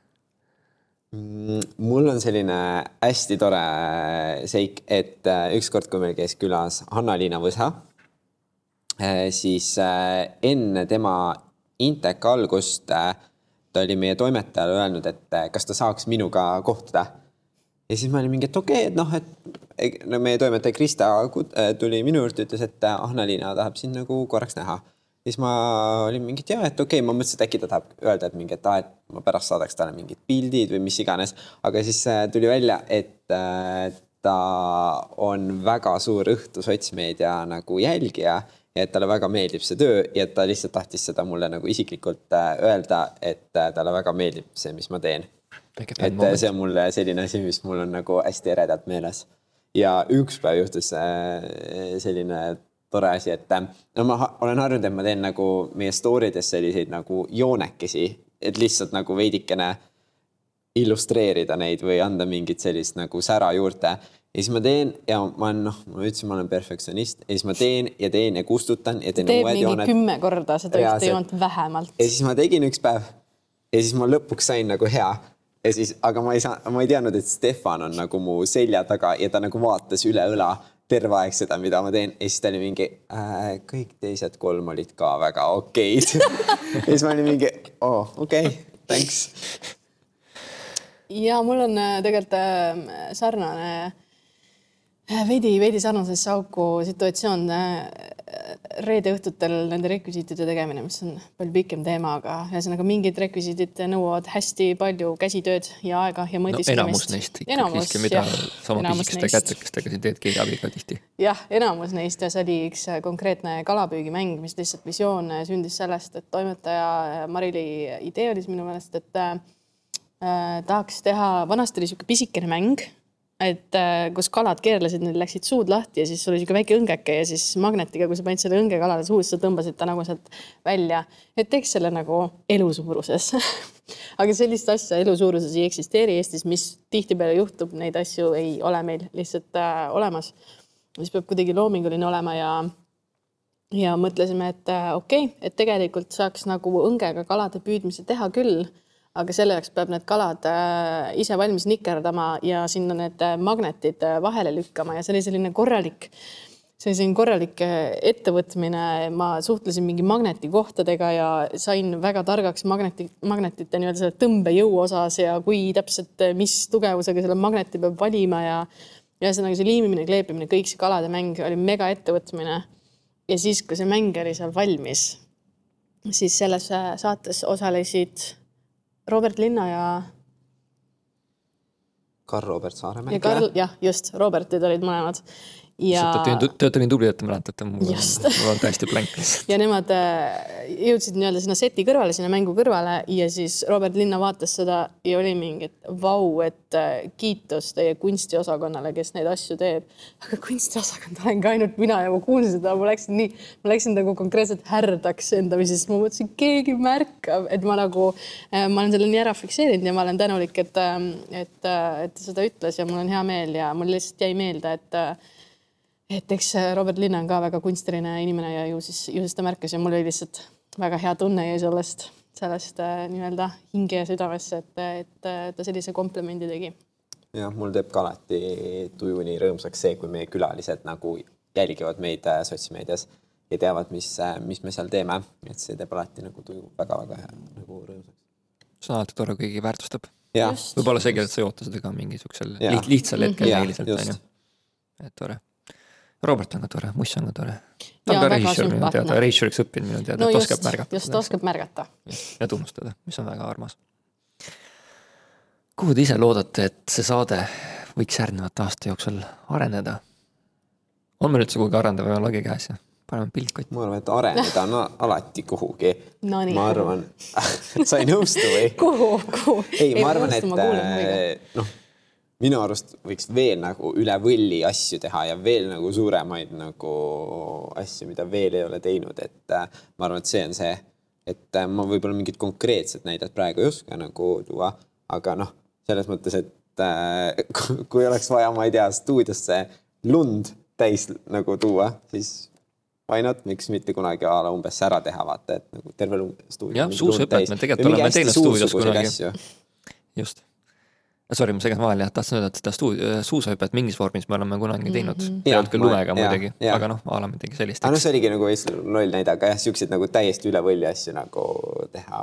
no eks meil tegelikult juba on, reedetega on tekkinud see äh, situatsioon, et reede on alati enda nii-öelda üles ehitatud olnud hästi suur saade, et seal ongi nagu palju suuri asju ja ja ühesõnaga ta on selline väga omapärane saade, kus saabki suurusele rõhu panna, aga süües kasvab isu ja me ise tahame ka veel rohkem ja veel suuremaid ja veel paremaid et, et äh, ma ei teagi, kust see piir ette tuleb, eks see piir tulebki meie nelja meetri kõrguse stuudiolaega ette, et lihtsalt kõiki asju sinna nagu panna ei saa. see on juba juhtunud võib-olla ka. kunagi tulevikus on veel suurem stuudio.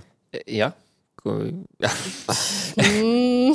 noh, ootame mõne aasta veel, see maja on Aga- piisavalt uus. et äh, tahtsin seda täiendada, et, et tegelikult see piir juba aastavahetussaatega tekkis ka füüsiline piir ette, kus me pidime ju tegelikult kolima T1 Just. keskusesse ühe oma elemendiga.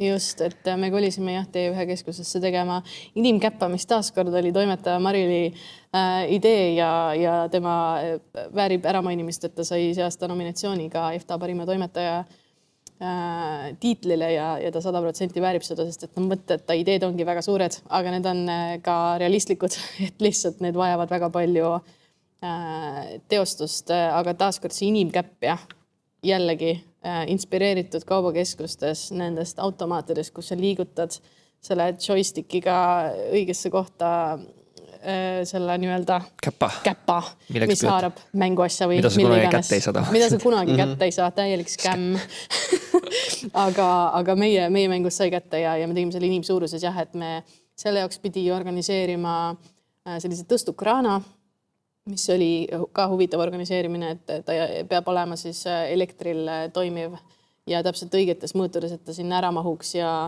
see oli vaja organiseerida ja meil oli seal mingisugune tuhat mänguasja basseinis, siis mis tuli kõik ühe kaupa karbist välja võtta ja pärast panna. võtta, just, täpselt, et kõik olid kenasti, igaüks oli kilekotis veel lisaks karbile et ükshaaval need välja võtta, ära täita ja, ja siis see mäng teostada, et äh, idee oli nii suur, aga see äh, tasus sada protsenti ära, et see mäng toimis ja see ongi, see ongi, ma arvan, õhtu ja reede õhtu äh, väga suur eripära, pära ja, ja üleüldiselt selline meeldejääv ja silmapaistev faktor, et me lihtsalt teeme nii grandioosseid asju, mis, mis ideed on suured ja me teostame need ära ka.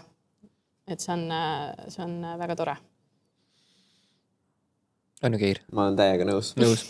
aga kas küsimus oli, et kuhu saade areneda võiks? ah, ma ei tea, kas sa vastasid sellele. sest me, meil tekkis see, et piir tekib ette, et mingi hetk ongi vist varsti see, et et no ongi, et äh, varsti tuleb panna saatejuhid videologudel vist reaktiivlennuki kohale piloodiks või midagi sellist, sest et. võib-olla see pole üldse kaugel. võib-olla, see pole kaugel. võib-olla see ei ole kaugel. just, just sest et tõesti, helikopteriga on lennatud, igalt poolt on alla ronitud, katustel on oldud, kõikvõimalike suurte masinatega on tööd tehtud. stuudios on tehtud nii suuri mänge, kui vähegi meil stuudiosi ära mahub, hiljuti käis meil see kallis EXPO robot, mis tegi kokteili, on ju, mis mm, -hmm. mille sissetoomine on omaette teema, et see läbi põranda ja vajuks ja kõik sellised asjad, et noh. aga samas, kui sa mõtled nagu uusi asju tekib kogu aeg juurde ka, nagu täpselt tekib. näiteks see roboti näide, et ma arvan, mingi paari aasta pärast on jälle mingi mega asi välja mõeldud äh, mida siis nagu näidata. et. Äh, ma ei tea jah, see on muidugi niisugune väga hea niisugune. Hästi raske küsimus. filosoofiline küsimus no, jah.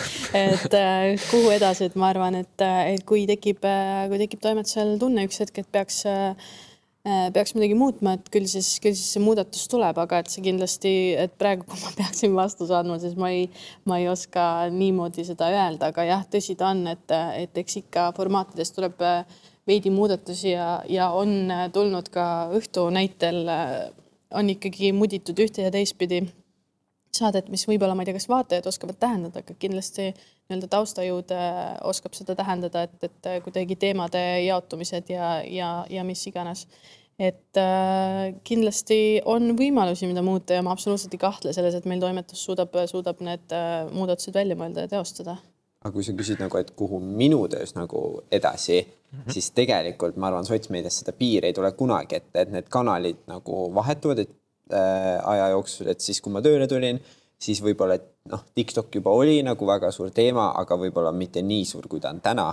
et mm -hmm. ma arvan, et need kanalid lihtsalt muutuvad äh,, kus siis mina nagu toimetan, et äh,, et ma arvan, et jah, see on see, kuhu edasi, et ma ei tea, et võib-olla nüüd praegu on TikTok see kõige-kõige, võib-olla homme enam ei ole, tuleb mingi muu asi. sotsiaalmeedia on ja nii muutuv mm -hmm. ja see on põnev, sest et mm -hmm. seal tulevad ka uued trendid ja uued nii-öelda kohanemised ja kohastumised mm, -hmm, et mm, -hmm. et seal on nagu palju mänguruumi ja sa pead lihtsalt püsima seal paadis, et, et mis on see, mida inimesed tahavad sotsia-, sotsiaalmeedias mis ongi nagu võib-olla keeruline ka, et äh, iga platvorm on nii nagu erinev ja see sisu, mida me teeme, et oletame, et ongi, et äh, me teeme selle ühe videoloo ära, siis see, kuidas ma seda näitan äh, Facebookis või Instas või Tiktokis, et see on täiesti erinev, et ma pean nagu kõigi kanalite jaoks seda ühte asja nagu muutma ja kohandama nagu väga-väga palju, et ta sobiks sinna. et äh, see on kindlasti üks asi. see on kindlasti jah, väga väljakutsuv, kuidas meil on siiski, meil on meelelahutussaade, mis ühtlasi on ka päevakajaline meelelahutus, et see on, sellega peabki ilmselt kaasas püsima nii-öelda mm -hmm. nende trendidega ja sealt inspiratsiooni saama. pluss minu kõige suurem see nagu väljakutse on see, et saade ja kõik videod on ju meil nagu horisontaalis, aga kogu sotsmeedia on põhimõtteliselt vertikaalis mm -hmm. ja ma pean kõik selle nagu panema ja põhimõtteliselt ma päris palju asju nagu monteerin ümber, et ta lihtsalt mm -hmm. sobiks äh, teatud platvormile mm. -hmm aga Erik, sa oled siin meist äh, märksa kauem eksisteerinud nagu,. sa, sa hakkad üle võtma praegu esimesest saatest jah? ma hakkasin vihjama, sa oled vana, ei mitte seda, vaid. ei oota, ma olen selles mõttes vana küll, ma sorry, Keiri, mul ei ole Tiktoki, et ma ei tea, mis sa teed seal, aga kindlasti sa teed head tööd aitäh, kallid kuulajad ei, aga küsimus sulle on, et kuidas, kuidas sa näed, kuhu edasi või kuidas sa oled näinud, et üldse, üldse õhtuformaat kui selline on aegade jooksul muutunud, muutunud jah mm? -hmm.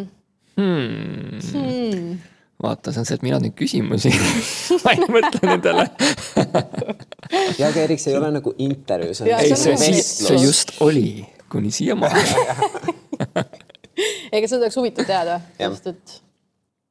Äh, ma ütleks, et äh, formaat laias laastus on äh, olnud ikkagi sama selles osas, et see on paratamatult Nias Kallas saatejuhtide saade. See toimib tänu meie saatejuht kolmikule, kes on selle saate nägu. Ja kindlasti ka hing lisaks kõikidele toimetusinimestele ka, kes annavad sellele oma skaala juurde. et ma näen, et äh, selles osas ei ole see väga palju muutunud, küll on olnud siin koosseisud muudatused loomulikult.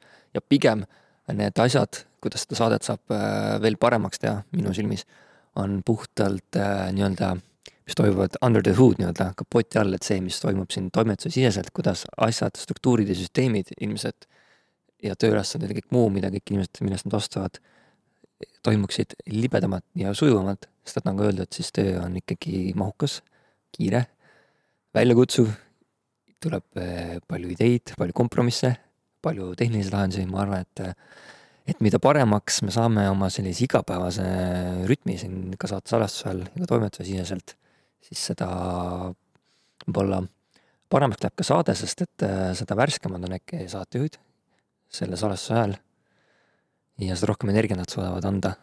ja sest, et see jah, ma arvan, et see päevane töö siin, seda, sellest on räägitud ilmselt teistes podcast saadetes ka, et see ei ole see, et nad tulevad kell viis ja me salvestame saate ära ja nad lähevad kell kuus köö, nad ikkagi on päev läbi siin. toimetame ühiselt selle tunni aja nimel kõvasti tööd igapäevaselt, iganädalaselt. Et see, see masinavärk nagu peab olema väga paigas ja kui kuskilt nagu midagi logiseb, siis kindlasti siis selle all kannatavad kõik mingil määral, et, et äh, jah, mida parem on eeltöö, seda parem on see preemia, milleks võiks siis olla meie saate puhul see saade. see hetk, kui me nüüd õhtul salvestame seda, noh, varasemalt oli otsesaade, nüüd on ju salvestus. et see, see peaks olema see maasikas, need päevamaasikas, et jess, me saame minna neid ideid, ideisi teostada ja anda kogu selle energia televaatile edasi, mida me oleme päeva jooksul mõelnud, korda saanud, ma arvan, et ma ei tea, kas ma vastasin selle iseenda sinu küsimusele. ma tahtsin just öelda, et oma, miks sa pead nii hästi vastu, sa paned meid nagu sa paned meid sellisesse valgusesse. aga, aga ja ma arvan, et, et noh, seda teavad, ütleme, kuulajatel ongi võib-olla seda, see ongi vastus on pigem nagu neile, sest et televaldkonnas, loomevaldkonna inimesed teavad väga hästi, millest me kõik räägime mm, -hmm. kui väljakutsuv see loometöö igapäevaselt on. Et see on pigem jah nendele, et, et kõige selle ilu ja lõbu ja selle uskumatute asjadega, mida me teeme, on ikkagi väga väga räige töö ja pikad päevad ja kõige lihtsamad asjad tihtipeale, alates sellest, kui me, meil on vaja mingit, ma ei tea, muna praadida seal stuudios ja see mingi pliit seal on kas kole või rõve või ta ei tööta või ta ei prae ilmkuum seal, alates sellistest detailidest nagu alati hakkab see nagu pihta. et sa teaksid, siis meil on nüüd uus ja, pliit. ja ma nägin, meil on uus pliit mis praeb paremini. meil on äh, tulevik on helgem. see, et keegi, keegi ei osanud seda tööle panna või? seda pliiti ja. praegust või? ma ei ole seda ise kordagi, ma organiseerisin selle pliidi, aga ma ei ole pannud. uus probleem ja ma ei ole ise proovinud seda isegi käsitseda, et, et see, see siia sai organiseeritud ja, see on meil nüüd olemas. nii et televaatajad, ärge nüüd, kui näete, kuulajad ja televaatajad, pliidiga mingit tegutsemist, siis pange tähele, uus pliit. meil on ja, uus pliit, jah. ühesõnaga see. Need ongi need asjad, kuhu saab edasi areneda. et me lihtsalt vahetame asju välja. no aga tuleb siis Euronixi müügilugu teha ei, Euronix on meil väga hea sõber. on, on, oleme mitu korda käinud ja, ja see on tore. Et ma ei tea, kas ma vastasin, ma loodan, vastasin. vastasid. vastasin väga klassikaliselt. vastasid üsna ühiskonnakriitiliselt aga ma arvan, et ausalt ka, et ja. Eh, nii see paraku käib, et me ei saa viimasel hetkel, kui tulekahju juba põleb, siis on juba hilja seda kustutada, et see vesi tuleb ikka ennem mm. valmis tuua ja veel parem on. kuigi alati sa ei peagi seda tooma. just, just, just. ja, aga see on ja ma selles suhtes äh, lihtsalt nõustun, et äh, õhtu, õhtu ja reede õhtu on äh,, ei oleks samad mitte kuidagi, kui ei oleks Jüri, Robbie ja Piretit. et äh, nemad on selle saate nägu ja kui neid ei oleks, siis see saade ei oleks selline ja, ja me ilmselt mitte keegi ei istuks siin et see lihtsalt äh, trio äh, on äh, üks, ma ütleks, telemaastiku kõige suuremaid õnnestumisi üldse. Et nad lihtsalt toimivad ja ma arvan, see aastate arv ja, ja see edulugu ka nii-öelda ähm, väljaspool saadud auhinnad, need kõik tõestavad ja kinnitavad seda, seda fakti, et, et lihtsalt äh, saatejuhtide casting on äh, vapustav ma olen täiesti nõus mm. -hmm. just, sinna pole midagi lisada. kui keegi statistikat tahab, siis saatejuhid kaks tuhat üheksateist aasta meelelahutajad, kaks tuhat kakskümmend sai Jüri aasta meelelahutaja tiitli. Ja EFTA-del loomulikult siis kaks tuhat kakskümmend üks me saime saatena. Mm. Parima meelelahutussaate auhinna. ja Reedega eelmisel siis... aastal siis kaks tuhat kakskümmend kaks me saime Reede õhtuga auhinna ja ka saatejuht kolmik siis sai parima meelelahutussaate juhtide nii-öelda auhinna, et on tõesti tore ikkagi, et, et tunnustatakse saadet ka ka nii-öelda kaaskolleegide poolt rääkimata väikestematest asjadest, mis siin on majasiseselt ja ja see aasta siis hoiame Marilile kõvasti pöialt ja. just ja Piretile. ja Jürile ka. Piretile loomulikult, loomulikult ja ka Katja on meil ühe saatega, küll mitte õhtusaatega, aga teise saatega nomineeritud, et, et. et ikka andekad inimesed siin, aga jah. et me selle kiitmisega nüüd liiga hulluks ei läheks, mul on kindlasti mingeid küsimusi veel. küsin veel siia korra kuna me mainisime meie tõesti vapustavat kolmikut, ilma kelleta see saade ei toimiks, aga kui ükski neist peaks mingi hetk ütlema, et kuulge, tšapaka, siis me, siis me paneme tõesti kõik pillid kotti maha, siis pole mõtet seda äh, edasi teha, vähemalt sellise nime all mitte. ja vormingus, aga kui juhtumisi peaks olema situatsioon, et tuleb mingi uus saade või tuleb välja mõelda mingi uus saade, aga me kasutaksime meie endi saatejuhti kolmikut, mis te arvate, mis žanr või mis saade see teie arvates olla võiks? kui me paneksime meie saatejuhid mingisse uude saatesse koos juhtima? on teil mingid mõtted? ma arvan, et nad tegelikult saaks iga saatega hakkama, vahet ei ole, mis saade see on. aga mulle ikkagi endale tundub, et see ikkagi on selline nagu meelelahutuslik äh, žanr. et mm -hmm. selles mõttes, et nende sünergia on lihtsalt nii hea mm, -hmm. et seda nagu jutumärkides peaks ära kasutama. mul on ka kuidagi tunne, et nagu kolmikuna koos neile sobib meelelahutus kõige rohkem. et noh, Jüri puhul me ju teame, et ta tuli uurivast ajakirjandusest ja ta oli radaris selles suhtes ka väga silmapaistev. ka vana spordireporter. just, et, et tal on ka erinevad tahud on olemas, et ma ei kahtle selles, et, et millega iganes ta võiks hakkama saada ja saabki aga, aga kuidagi kolmekesti koos mul on raske ette kujutada mingisugust teist žanri mm. -hmm. et a la midagi sellist uuriva ajakirjanduse võtmes. ma arvan, et lihtsalt äh, võib-olla meelelahutus laseb äh, neil kõige paremas mõttes kõige rohkem särada, et, äh, et nende persoonid on lihtsalt niivõrd head, et meelelahutuse žanr on see, kus, kus sa saad olla sina ise kõige rohkem ja ma arvan, et see toimib, toimib äh, kõige paremini. ma ei tea, kui ma peaksin praegu mõtlema päriselt küsimus nagu siis vastu Eerikule ka, et mingist teisest, kas sa näeksid neid? ei, ma ei näeks samamoodi. ma ei näeks. ma, ma, ma mõtlesin, et Eerikul on mingi täiesti oma vastus välja mõeldud nagu ma ütlesin, siis ma teen küsimused, aga ma ei mõtle vastuseid. et selles mõttes jaa, tõepoolest sama, et äh, nagu sa vastasid, et nad kindlasti, nad kindlasti saavadki olla väga palju nad ise ja ma arvan, et see on ka see võti, miks mm, -hmm. miks miks neid vaadatakse ja miks me oleme ka tunnustust saanud, et ja miks see saade nagu toimib tänu nendele. küll on aga selle juures tore see, et, et ilmselgelt ka täna õhtule on neil tulnud nii-öelda oma saated, mida nad saavad juhtida. et see on kindlasti neile endale hea vaheldus ja laseb neil võib-olla endas ka teisi tahke näidata ja õppida mm. juurde ka teisi nii-öelda žanre natukene ka ja valdkondi, mida nad teevad mm. -hmm. mis näitab, et nad saavad eraldi ka, ka suurepäraselt nagu hakkama. loomulikult, loomulikult, jah rääkimata kõigist õhtujuhtimisest, kus nad niikuinii käivad ja päris mm. raha teenivad, aga selleks, selleks. tõepoolest, aga spontaanne live videoloo mõte, elasin kunagi Kehras, seal on paberivabrik, lähme teeme paberit.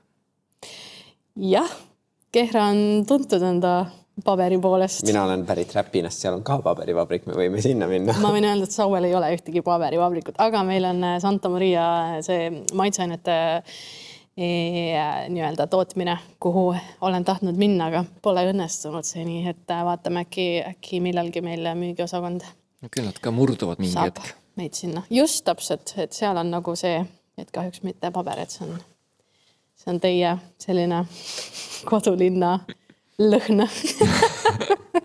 ja seal prinditi raha minu arust kunagi, nii et prindite seda mingi Seda ma küll ei tea. okei seda ma küll ei tea. seal on kodulinn, ma lihtsalt elasin seal vahepeal. Aga siin tegelikult oleks huvitav minna küll, peaks uurima. piisava vot. autoside kaugusel ka. alles käisime seal lähedal koertega kelgutamas, nii et. Geir, sa nüüd mainisid, et sa oled pärit Räpinast. Let's talk about your childhood, my friend.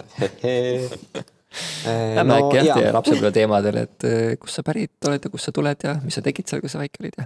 ma olen pärit Räpinast, see on äh, Kagu-Eestis, Peipsi ääres ja jah, ma elasin, olen seal terve elu elanud, et ma ei ole nagu kolinud, ma ei tea, ühest linnast teise või midagi sellist. lõpetasin Räpinas gümnaasiumi. ma olen äh, käinud äh, võistlustantsu-trennis mm. äkki mingi viis aastat või? käisin seal, käisin võistlustel ja siis äh, oota, oota, oota, ma pean oma faktidega ikkagi hiilgama, ma olen guugeldanud ja eeltööd palju teinud. oota, ma otsin õige koha üles. nii, kus see on siin, kus mul on Geir? tantsuklubi Stiil ja tervitused Kerli kontsapile on ju Geir. mm. -hmm. tervitus talle. ja ma käisin tõesti võistlustantsus ja jah, viis aastat äh, käisin vist seal ja siis ühel hetkel ma otsustasin, et ah, tead, on tehtud küll juba seda ja siis ma tulin ära ja siis mul tekkiski nagu vaikselt see nagu foto nagu maailm äh, nagu tuli minu ellu. ja siis ma hakkasin rohkem pildistama ja. räägime vanustest ka, ah? vanustest räägime ka, pane see ajatelge natuke. Äh, ma esimene käisin foto,, läksin fotoaparaat. esimese ma sain äh, siis, kui ma sain kaheksa aastaseks, siis ma sain siukse väikse digika. siis äh, ma ei tea, ma arvan, ma mitte kunagi ei kasutanud seda äh,. siis ma ostsin lambist endale uue digika ja siis ma seda ka minu arust ei kasutanud. ma ei tea, miks, aga ma minu arust ma kunagi mingi, kui ma käisin mingi krossi võistlustel, siis ma nagu seal nagu klõpsisin, onju. ja siis äh, mu vanaema kinkis mulle jõuludeks äh, esimese peegelkaamera millega siis ma hakkasin mingi nagu esimesi nii-öelda photoshoot'e tegema ja, ja see, kui ma sain pi- äh, selle peegelkaamera, see oli, ma arvan, umbes kaks tuhat neliteist, ehk siis ma olin neljateistaastane. Sest kes üle tea, Geir on kõigest kahekümne kahe aastane, igaks juhuks mainin siia. kuusteist. Anna arvates ma olen kuusteist. Eeriku arvates ma käin lasteaias aga ei, ma praegu olen kakskümmend kaks. aga ja siis ma neljateistaastaselt või isegi kolmeteistaastaselt sain selle esimese kaamera, siis see seisis ka, vahepeal mingi õde pildistasin, onju. Ja siis kuskil kaks tuhat kuusteist, siis kui nagu Instagram äh, kuidagi hakkas õitsema Eestis, selles mõttes, et kõik hakkasid pildistama, kõigil olid instad, kõik hakkasid lambist influencer iteks siis äh, ma hakkasin pildistama ja sealt nagu kuidagi tekkis nagu esimesi mingi kliente. ja jah, mis sa veel sooviks teada? no tulista palun oma kliendid ette. no selles mõttes, et äh, nad on tulnud kõik aja jooksul, et tänaseks äh, ma olen äh, teinud hästi palju pildistamisi Sportlandiga, Ballsis ma olen fotograaf tänaseni ma olen teinud Vitamin Velli, Nocco, ma olen teinud ühe Betsafe'i kampaania koos Ott Tänaku ja Nubluga. siis issand, neid pildistamisi on tänaseks olnud nii-nii palju tegelikult, et hästi. Nike?? Nike ka jah, neid on nagu väga palju, nagu mul isegi praegu niimoodi kõik ei tule meelde. no suuremad vist on nimetatud, aga selle selles mõttes, et ongi, et et sa oled seda nende ikkagi väga suurte brändidega teinud koostööd juba väga noorest peale. Seda kuidas, küll, et mul on kuidas see sul hästi- õnnestunud on ja nii kiiresti? Ähm, ma ei tea nagu selles mõttes, et mul on vedanud, et nagu brändid on usaldanud mind ja ilmselt nad on näinud siis minu varasemat tööd. et äh, ja ma tõesti nagu pingutasin ka mingi hetk hästi-hästi palju, et nagu ma saaks üldse selliseid kliente ja jagasin hästi palju enda tööd ja noh, tõesti nagu töötasin väga palju, et äh, sellised kliendid nagu tuleks mulle. et äh, mul on hea meel, et nad on mind leidnud. ja jah, ma arvan, et see ongi see märksõna. olin mingi periood töökas. töökas ehk siis sa panid palju pilte üles, portfooliosid mm -hmm. jagasid? ma hästi, mul oli kunagi isegi fotoblogi, siis äh, ma arvan, ma olen osadele brändidele ise kirjutanud, et ma tahaks teha neile midagi. Ja, aga noh, see ongi selline, et äh, fotomaailmas nagu teed ühe asja ära, siis kuskilt jutt liigub edasi, siis tuleb jälle kuskilt uus klient ja siis sa niimoodi teed. Ja iga pildistamisega järjest äh, ju tahad muutuda paremaks, teha veel paremini, ägedamalt, on ju. et, äh, et sealt see nagu kasv tekibki ja siis läheb jutt äh, võib-olla liikuma, teised brändid näevad seda tulemust, mis ma olen teinud ja niimoodi nad tekivad.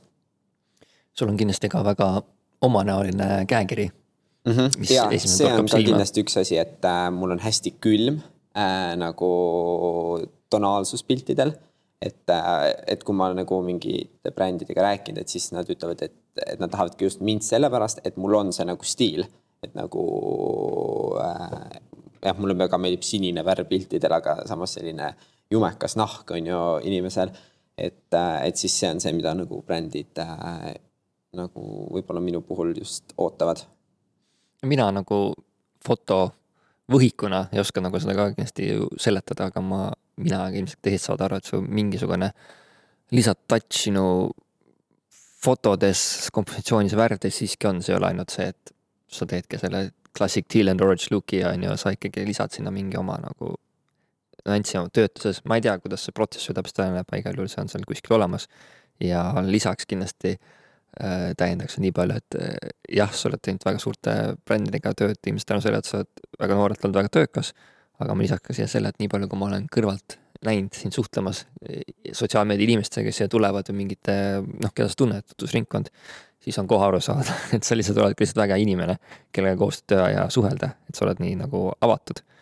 Ja ma arvan, et see on kindlasti ka see võtmesõna mis sa arvad? no kindlasti see hea. nagu suhtlemisoskus on, ongi tulnud nagu pildistamisega nagu, ma olen õppinud seda pildistamisega, et selles mõttes ma arvan, et esimesed pildistamised, mis ma tegin, ma arvan, ma ei osanud nii hästi nagu suhelda inimestega või ei olnud nii nagu avatud nendega, et, et see on kindlasti aja jooksul nagu arenenud mulle see suhtlemisoskus. et, et jah, aga seda on tore kuulda mm. -hmm. et sa nüüd video podcast'i tahaks väga palju pildistamist rääkida aga tegelikult, äh, aga sa hetkel elad Tallinnas mm -hmm. juba mitu aastat mm,? neli. ja vahepeal äh, õppisid ka majanduskoolis, see oli ka Tallinnas? ja, ma lõpetasingi kaks tuhat üheksateist Räpinas gümnaasiumi ja siis sellesama aasta sügisel või noh, suve lõpus ma kolisin kohe Tallinnasse, siis ma läksingi majanduskooli turundust õppima mille ma siis eelmine aasta lõpetasin ära. ja jah, ma olen terve siis neli aastat nüüd elanud Tallinnas. kuidas see üleminek sinu jaoks on väikelinna poisina tulla siia nii-öelda meie ainsasse suurde mekasse? selles mõttes, et äh, see ei olnud nagu raskem, sest äh, juba gümnaasiumi nagu viimases klassis ma käisin suht tihti nagu Tallinnas, sest juba oli, tekkisid mingid projektid, pildistamised, asjad, et ma tulingi siia ja hästi paljud nagu brändid tegelikult ootasid juba või inimesed ootasid, et ma Tallinnasse koliks, et, et saaks nagu juba pildistama. ja sa olid alles kaheksateist, üheksateist, seitseteist, juba nõutud? ja nagu mul selle, mulle hästi nagu vedas selles mõttes, ma tulingi siia ja minust ma hakkasingi kohe Paulsile nagu sellesama aasta nagu sügisel äh, tegema pilte. et ma ei olnud veel Tallinnasse jõudnud kolida, kui ma juba tegelikult tegin neile pilte ja teen tänaseni. et äh, mul selles mõttes kuidagi joppas ülihästi sellega Anna-Liisa, mis hetkel sina selle võlu leidsid ja kuidas sinnani jõudsid? sul on natuke klassikalisem teekond ikkagi läbi BFM-i. ja ma mõtlesin, sa alustad mu lapsepõlvest. ei, ma tahangi, ma tahangi ikkagi algusest peale loomulikult. see meid ei huvita. keda see Saue? Saue on see? Äh, linn, lihtsalt mainin ära, inimestele meeldib nalja teha. oota, kui kaugel see on? see on Tallinnast viisteist kilomeetrit, see on siinsamas külje all ehk siis äh, ma, mul ja mul juured on äh, Sauel, ma olen Saue, Sauelt pärit, ma elasin seal päris kaua. terve enda ülikooli aja ma elasin ka veel Sauel. et Saue on, Saue loosung on Saue kodune linn ja ta tõesti on väga kodune, et niisugune väike Saue haip. aga jaa, Sauelt, äh, Sauel ma lõpetasin Saue gümnaasiumi, käisin seal ka kaksteist aastat ja ma olin kooli ajal selline hästi, äh, juba lasteaia ajal tegelikult selline hästi aktiivne laps, mul oli kuidagi hästi palju energiat ja, ja seda oli vaja kuhugi äh, rakendada ja tänu sellele mul oli ka väga palju hobisid. et, et kui mingid lasteaia huviringid kõrvale jätta, siis tegelikult juba viieaastaselt vist ma läksin ETV Mudilaskoori laulma, mis tähendas, et mul vedas, sest ma sain lõunauinakult ära, sest siis ma pidin minema Saue bussi peale ja mu vanaema viis mind äh, siis siia telemajja, ERR-i telemajja siis äh, Tallinnasse, suurlinna äh, proovi kuhugi keldrisse. millegipärast mul mälestus, et need proovid toimusid keldris, võib-olla see on mingi vale mälestus aga ühesõnaga, siis ma käisin Mudilas koolis ja kooli, kooris ja kooli ajal ma tegin jah, väga palju asju, et ma olen terve elu laulnud juba lasteaias hakkasin laulma ja võistlema ja esimese lauluvõistluse võitsin viieaastasena, ma millegipärast mäletan seda hästi äredalt. aga peale seda ma jah äh, hakkasin ikkagi lauluvõistlustel kuni keskkooli lõpuni alati äh, osalesin, et kui Sauel ära võitsin, siis läksin ka Harjumaa omale. et olen ka Harjumaal käinud äh, päris palju võistlemas äh, ja lisaks ma tegelesin tantsimisega ma läksin vist tantsima, kui ma olin äkki kolmandas klassis, tegelikult selles suhtes üsna nagu ma ütleks hilisem aeg. et, et paljud läksid juba esimesest klassist, aga ma läksin kuidagi kolmandast, neljandast, seal ma käisin kuni keskkoolini ja esimesest klassist ma läksin tegelikult ka muusikakooli klaveri erialale äh, õppima ja muusikakooli ma lõpetasin jah, siis kui ma olin seitsmendas klassis Äh, ja peale seda ma läksin siis, et muusika seda nooti kuidagi õhus hoida ja tegevuses hoida, siis ma läksin VAF-koori õppima Maikeni käe alla, et see oli ka väga tore aeg, et sai valgel cosplay'l laulda ja üleüldiselt mu lauluoskus tegelikult väga arenes tol hetkel. Ja lisaks sellele ma tegelesin kergejõustikuga kuidagi spordivõistlustel käisin alati, aga mingi hetk otsustasin, et äh, võiks tegelikult äh, minna täitsa trenni ka. et ma käisin kergejõustikus ka päris palju aastaid ja ma käisin äh, ratsutamas päris palju aastaid. ma ratsutasin äkki mingi ka mingi kuus, kuus aastat või midagi sellist, et päris intensiivselt.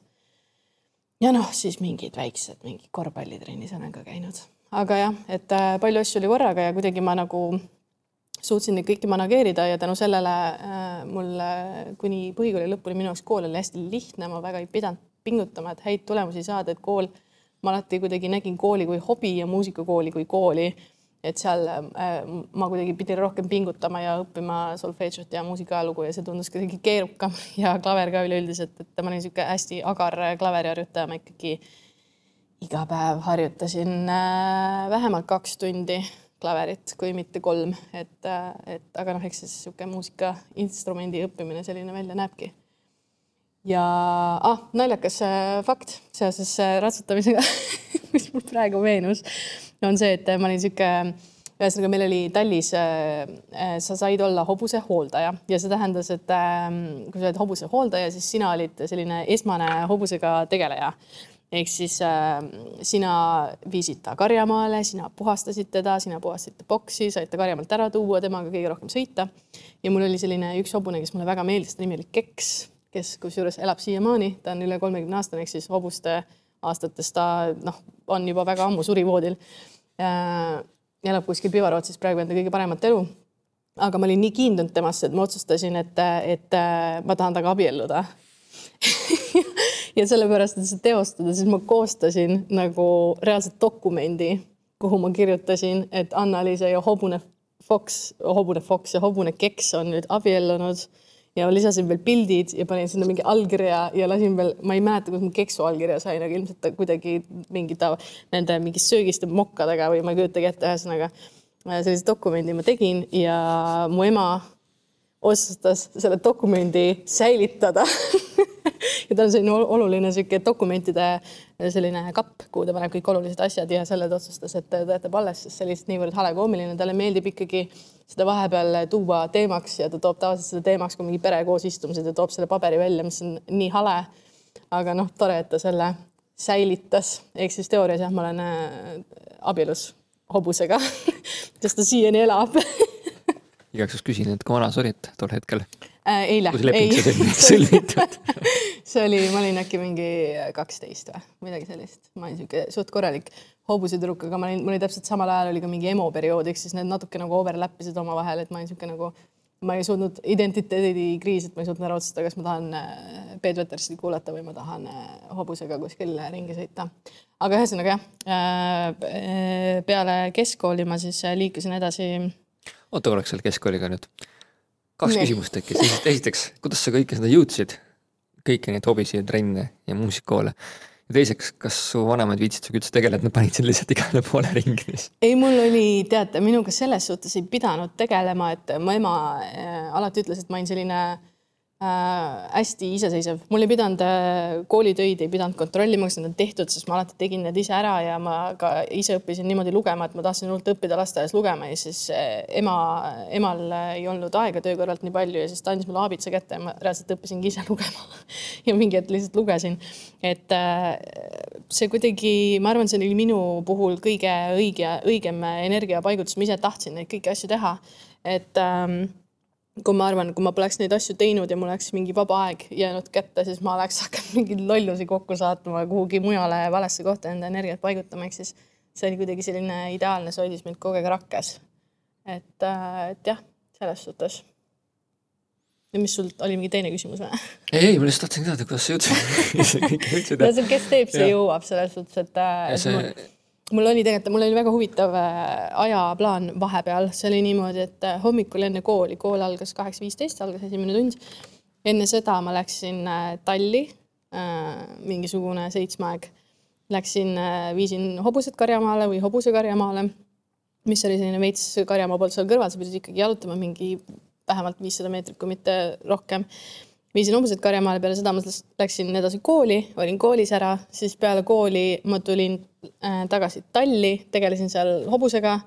siis läksin, äh, siis mul hakkas klaveritund, siis ma läksin klaverisse, siis peale klaveritundi mul oli solfedžo, ma läksin solfedžosse ja siis mul oli kergejõustik, peale seda ma läksin kergejõustikusse ja siis peale kergejõustikut ma läksin tagasi äh, talli, tõin hobuse karjamaalt tagasi boksi ja läksin koju ja siis õppisin ära, mis asjad olid vaja õppida. ehk siis põhimõtteliselt mul oli niisugune väga-väga-väga pakitud, ajaliselt kokku pakitud päev, et äh, aga no ma ise tahtsin teha jah, selles suhtes enam ma ei viitsiks elu sees no, Polegi ime, et peale sellist perioodi tuleb väike emo periood ikka peale. ja, jah ja, tuli jah väike rebel äh, high school years. aga see ei olnud, aga see ei olnud üldse sihuke, et aa, ma vihkan mingi elu, et see ei olnud üldse sihuke nagu vihane emo, lihtsalt stiililiselt oli sihuke emo periood, et see oli sihuke huvitav jah.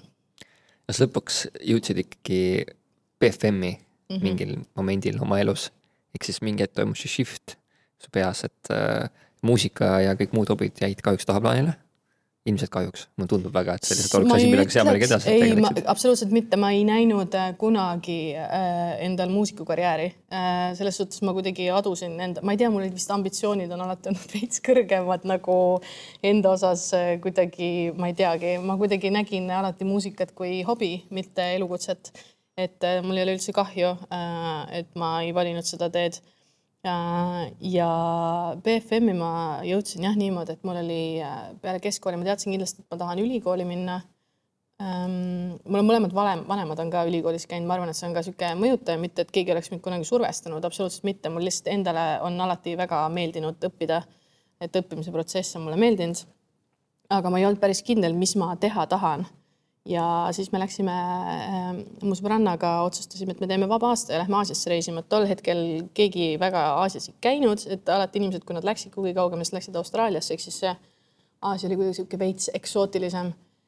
ja me olime seal äh, nii-öelda backpack isime mitu kuud, mingi kolm, kolm-neli kuud äh, reisisime ringi kahekesti, kaks noort tüdrukut, mingi vanad, me olime üheksateist, ma sain reisil olles kakskümmend, et et kuidagi sihuke väga lahe life experience ja mul on väga hea meel, et ma selle ära tegin, enam ma seda ei teeks, sest et seal on hästi palju riski, riskifaktoreid, mida tol hetkel sa ei adu, sest sa oled noor ja uljas. et äh, lihtsalt äh, mul on hea meel, et sihuke elukogemus on olemas ja kuidagi seal reisil olles äh, me tegime äh, enda jaoks äh, siukseid äh, videoid, me nagu filmisime, mis me teeme ja sõprade ja pere jaoks äh, panime neid kokku ja, ja kuidagi siis ma sain aru, et ah, mulle meeldib monteerida. No kuidagi avastasin, et mulle meeldib monteerida ja tegelikult monteerimine oli oli siis see tõuge, mis mind BFM-i suunas lükkas, et ma ise mõtlesin varasemalt, ma teadsin, et humanitaarained ja sihuke loovam pool on mul tugevam pool. Ja ma ise mõtlesin, et kas ajakirjandus või reklaam, aga siis ma kuidagi äkitselt mõtlesin, et äkki hoopis BFM-is midagi. Ja niimoodi ma sinna BFM-i jõudsin, et algselt monteerimishuviga, mis siis suht kiirelt, no ma ikkagi monteerisin ka BFM-is mingisuguseid projekte ja lühifilme. Äh, ja see oli tore, aga siis ma avastasin, et mul kuidagi produ osa tuleb äh, loomupärasemalt välja ja siis ma bakas tegin äh, suht palju äh, produtsenditööd ja sarnaselt Keerile oli ka väga sihuke tutvuste baasil on see töö, et sa teed mingi projekti ära ja jääd kellelegi silma ja keegi sealt projektist, keda sa isegi ei pruugi tunda, soovitab sind ja kutsutakse mingile uuele projektile. ehk siis ma äh, baka ajal tegin hästi palju lühifilme äh, ja just produ rollis peamiselt. Ja siis mul kuidagi väsitas see filmi asi ära. Ma kuidagi tundsin, et äh, ma ei tea, kas ma tahan seda filmi asja teha, et et mõtlesin, et äh, nagu see valdkond huvitab, et tahaks pigem äh, vist tele teha, et tundus niisugune stabiilsem enda olemuselt. ja siis äh, peale bakat ma kandideerisin otse magistrisse, mis oli ka niisugune huvitav kandideerimine, sest ma olin ka tol hetkel, kui seda kandidatuuri aeg oli ja pidi esitama neid dokumente, siis ma olin Aasias taaskord ja mul seal äh, läpakas lendas äh, õhku ja, ja ma ei saatnud neid dok-, ma ei saanud neid dokumente saata ja ühesõnaga see on mingi täiesti omaette lugu, tundus nagu universum oleks mu vastu, et ma nagu ei peaks saama sinna, et kuidagi miski ei õnnestunud, et sealt kuskilt Paalilt helistasin Tallinna Ülikooli ja volitasin enda ema neid dokumente täitma seal kohapeal ja see oli ühesõnaga sihuke hästi keeruline protsess, aga kui ma tagasi tulin, siis ma jah, läksin äh, Indekale ja ja Intekas läks mul hästi ladusalt, seal oli noh, sisseastumiskatsetel oli vaja teha ka taaskord, äh, seal oli äh, kirjalik osa, sa pidid analüüsima mingit äh, teleseriaali või sarja või saadet või mis iganes. ja siis sa pidid tegema fotojutustuse. ja siis sa pidid, siis sul oli vestlusvoor ja mul need läksid kuidagi väga ladusalt, ma sain magistri sisseastumisel, ma sain väga palju punkte, ma sain mingi üheksakümmend kaheksa, üheksakümmend üheksa punkti, et ma siiamaani, ma ei tea, kus üks punkt kadus aga, aga see läks mul kuidagi väga ladusalt ja siis, siis ma läksin ka magistrisse ja tegelikult äh, sisseastumisintervjuul ütlesin, pidi valima suuna, et ähm, nagu mida sa teha tahaksid ja ma ütlesin toimetaja, sest see oli ainus kuidagi niisugune roll, mida ma tundsin, et ma pole üldse puudutanud aga siis Hagi Shane äh, oli ka seal komisjonis, kes varasemalt mind tundis, ta oli mingi, ei, et Annaliis, et sa oled režissöör. Siis ma olin mingi, et ma mõtlesin toimetada, mingi ei, tahad, sa tahad režissöör olla, siis ma mingi, okei okay,, ma siis tahan olla režissöör. ja tegelikult äh, tahtsingi, sest et magistris ma tegin äh, režiid, et alati, kui projektid olid, siis ma kuidagi sattusin režissööri rolli, et vahepeal üksikutel projektidel ma olin produ rollis ka, aga produ oli minu jaoks niisugune nagu juba mugavustsoon tol hetkel, aga jah, ma lõpetasin ka magistri tegelikult režii suunal üldse ja siis jah, niisugune see teekond oli. lõpetasid ka cum laude? ma lõpet-, jah, magister tuli mul cum laude, mis sai selles suhtes tore, et et varasemalt mul, no põhikoolis oli ka kiitusega lõpetamine, aga muidu mul ei ole nagu mingit mingit kiitusega lõpetamisi olnud, et mul oli äh, hea meel, et vähemalt selle linnukese, mitte et see oluline oleks, selle linnukese sai ära panna ja see tuli kuidagi hästi loomulikult, et see, et see ei tulnud läbi mingi hästi suure pressimise, et et ju siis, ju siis sobis see eriala kas sa kahetsed? et ma äh, selle teekonna valisin või? ei, absoluutselt mitte, sest et ähm.... või kas sa oled kahetsenud mingi hetk või sa pigem said kinnitust seal, et see on ikka õige asi, mida sa tahad teha? ma arvan, et ma ajan äh, õiget asja, ma olen, mulle meeldib see valdkond, kus ma olen ja, ja mul ei ole otseselt äh, põhjust nuriseda ja aga, aga selles suhtes küll ma olen alati mõelnud, et kui tekib huvi täielikult teha mingi kardinaalne muudatus millalgi elus ja äh, mind täiesti mingi teistsugusesse valdkonda, täiesti teistsugust tööd tegemas, siis, äh, siis mul on see võimalus olemas ja ma võin alati uuesti kooli minna või siis lihtsalt kooliosa vahele jätta, et, et, et äh, ma arvan, et võimalusi on palju ja senikaua, kuni ma siin rahul olen, siis, siis ma ei näe vajadust, aga võib-olla kunagi tahab ma midagi muud ka teha. et, äh, et siis lihtsalt äh, alustan uuesti kuskilt sealt poole tee pealt ja, ja võtan mingisuguse teise suunitluse.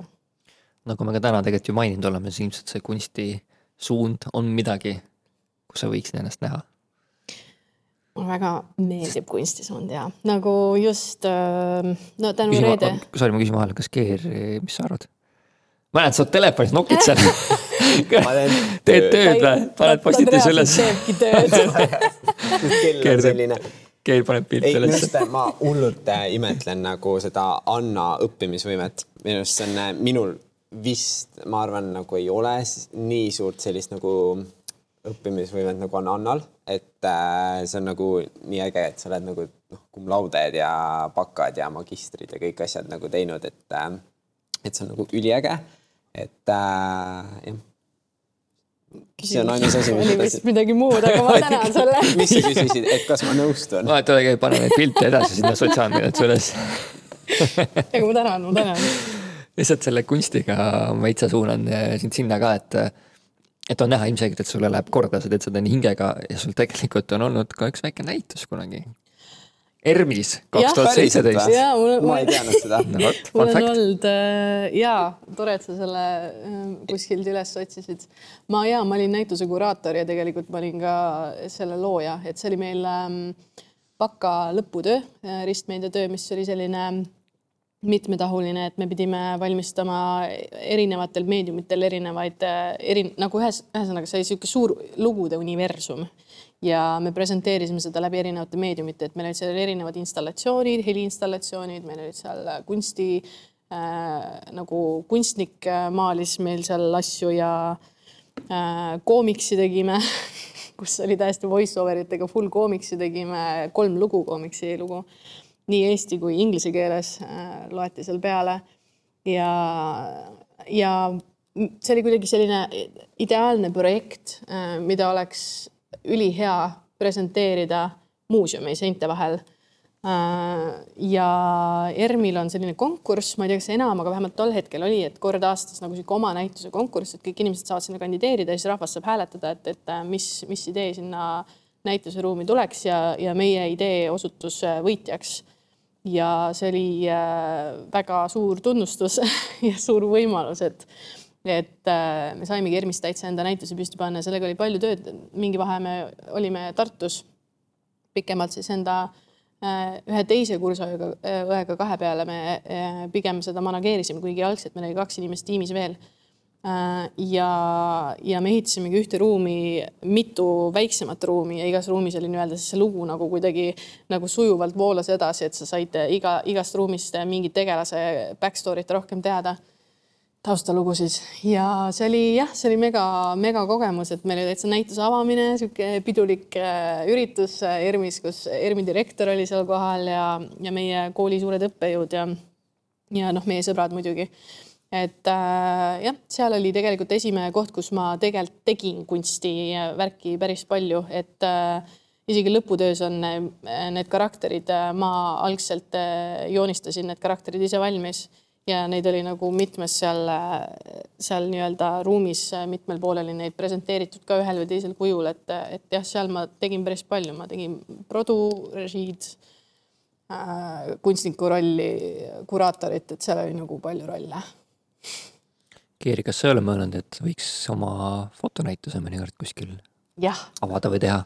Äh, ma olen, aga ma, mul kuidagi on see, et, et see praegune töö, mis ma olen teinud, ei moodusta võib-olla sellist nagu tervikut, et kui ma tahaks äh, nagu, ma ei tea, näituse teha, siis ma tahaks, et seal võib-olla oleks nagu mingi sõnum või mingi mõte taga. praegu ma lihtsalt võib-olla toodan klientidele reklaammaterjali põhimõtteliselt, et, et see, kui ma teeks näituse, siis ma tahaks, et see jah, moodustaks visuaalselt mingi terviku, et seal oleks mingi lugu, mingi mõte ja et oleks ikkagi nagu näituse vääriline. aga ma arvan, et seda veel niipea ei tule. aga žanriga oled ka mõelnud, et mis stiilib see ja nagu ta kindlasti tuleb, ma arvan praegu vähemalt, et ta tuleb ikkagi selline külm ja ta tuleb natukene futu ja ta ja mul nagu mingid siuksed nagu väiksed pla mõtted, plaanid on. sa oled ikkagi flirtinud selle mõttega, ma näen su silmis praegu, et sa oled ei, mõelnud ei muidugi, aga nagu noh, ma ei saa muidugi välja öelda seda raudselt nagu siis keegi teeb ära selle Jah. idee, aga jah, mul nagu mingid ideed on, aga ma ei ole selles mõttes mingit ajalist äh, nagu eesmärki endale seadnud, et millal see nagu valmis peaks saama, et ma ei ole isegi alustanud selles mõttes sellega. Et, et jah, eks ma arvan, see tuleb omal ajal. igal juhul on olnud tore kuulda teie kiiret äh, ülevaadet oma nooruspõlvest ja väikest sissevaadet teie mõttemaailma. ma võib-olla tegin selle ülevaate nooruspõlves liiga kiiresti No, ära tead- ma praegu Anna oma kuulasin. tead, me oleme ka siin päris kaua juba salvestanud, et ega me kõike ei jõua ka ära rääkida. mul, mul tegelikult on teile ka hästi palju küsimusi veel, mida ma kindlasti ei jõua siin äh, ära küsida ja vaata järgmisteks kordadeks või järgmis-, järgmistel inimestel võib-olla seoses selle saatega kunagi tulevikus, never know. aga, aga enne kui me joone alla tõmbame, siis äh, mõned siiski siuksed üldisemad vaariaküsimused on teile küll. esimese ma neist suunan tegelikult siiski Keerile sisukama poole pealt, et Anna-Liis võib muidugi täiendada ka et eh, kas telesaadetel on üldse vaja sotsiaalmeediatoimetajat ja miks seda üldse vaja on? ma arvan, et täna on selles mõttes, et äh, mulle tundub äh, või mulle meeldib mõelda niimoodi, et äh, sotsmeedia pigem toetab, ma räägin siis näiteks meie saatest on ju, et ta pigem toetab äh, meie saadet. et äh, ta, tal on nagu mitu funktsiooni, et äh, ta justkui toimib siukse nagu nii-öelda reklaamina, et ta tiisib äh,, kes meil näiteks täna õhtul saates on äh,. samas ta näitab, mis äh, asju, mis võib-olla teleekraanile ei jõua äh, seda nagu telgitagust äh,, võib-olla asju, mis lihtsalt ei, ajalises mõttes ei mahu tel, nagu eetrisse, et siis ma arvan, sotsmeedia on täpselt see nagu tore koht, kus seda saadet saab nii-öelda jätkata.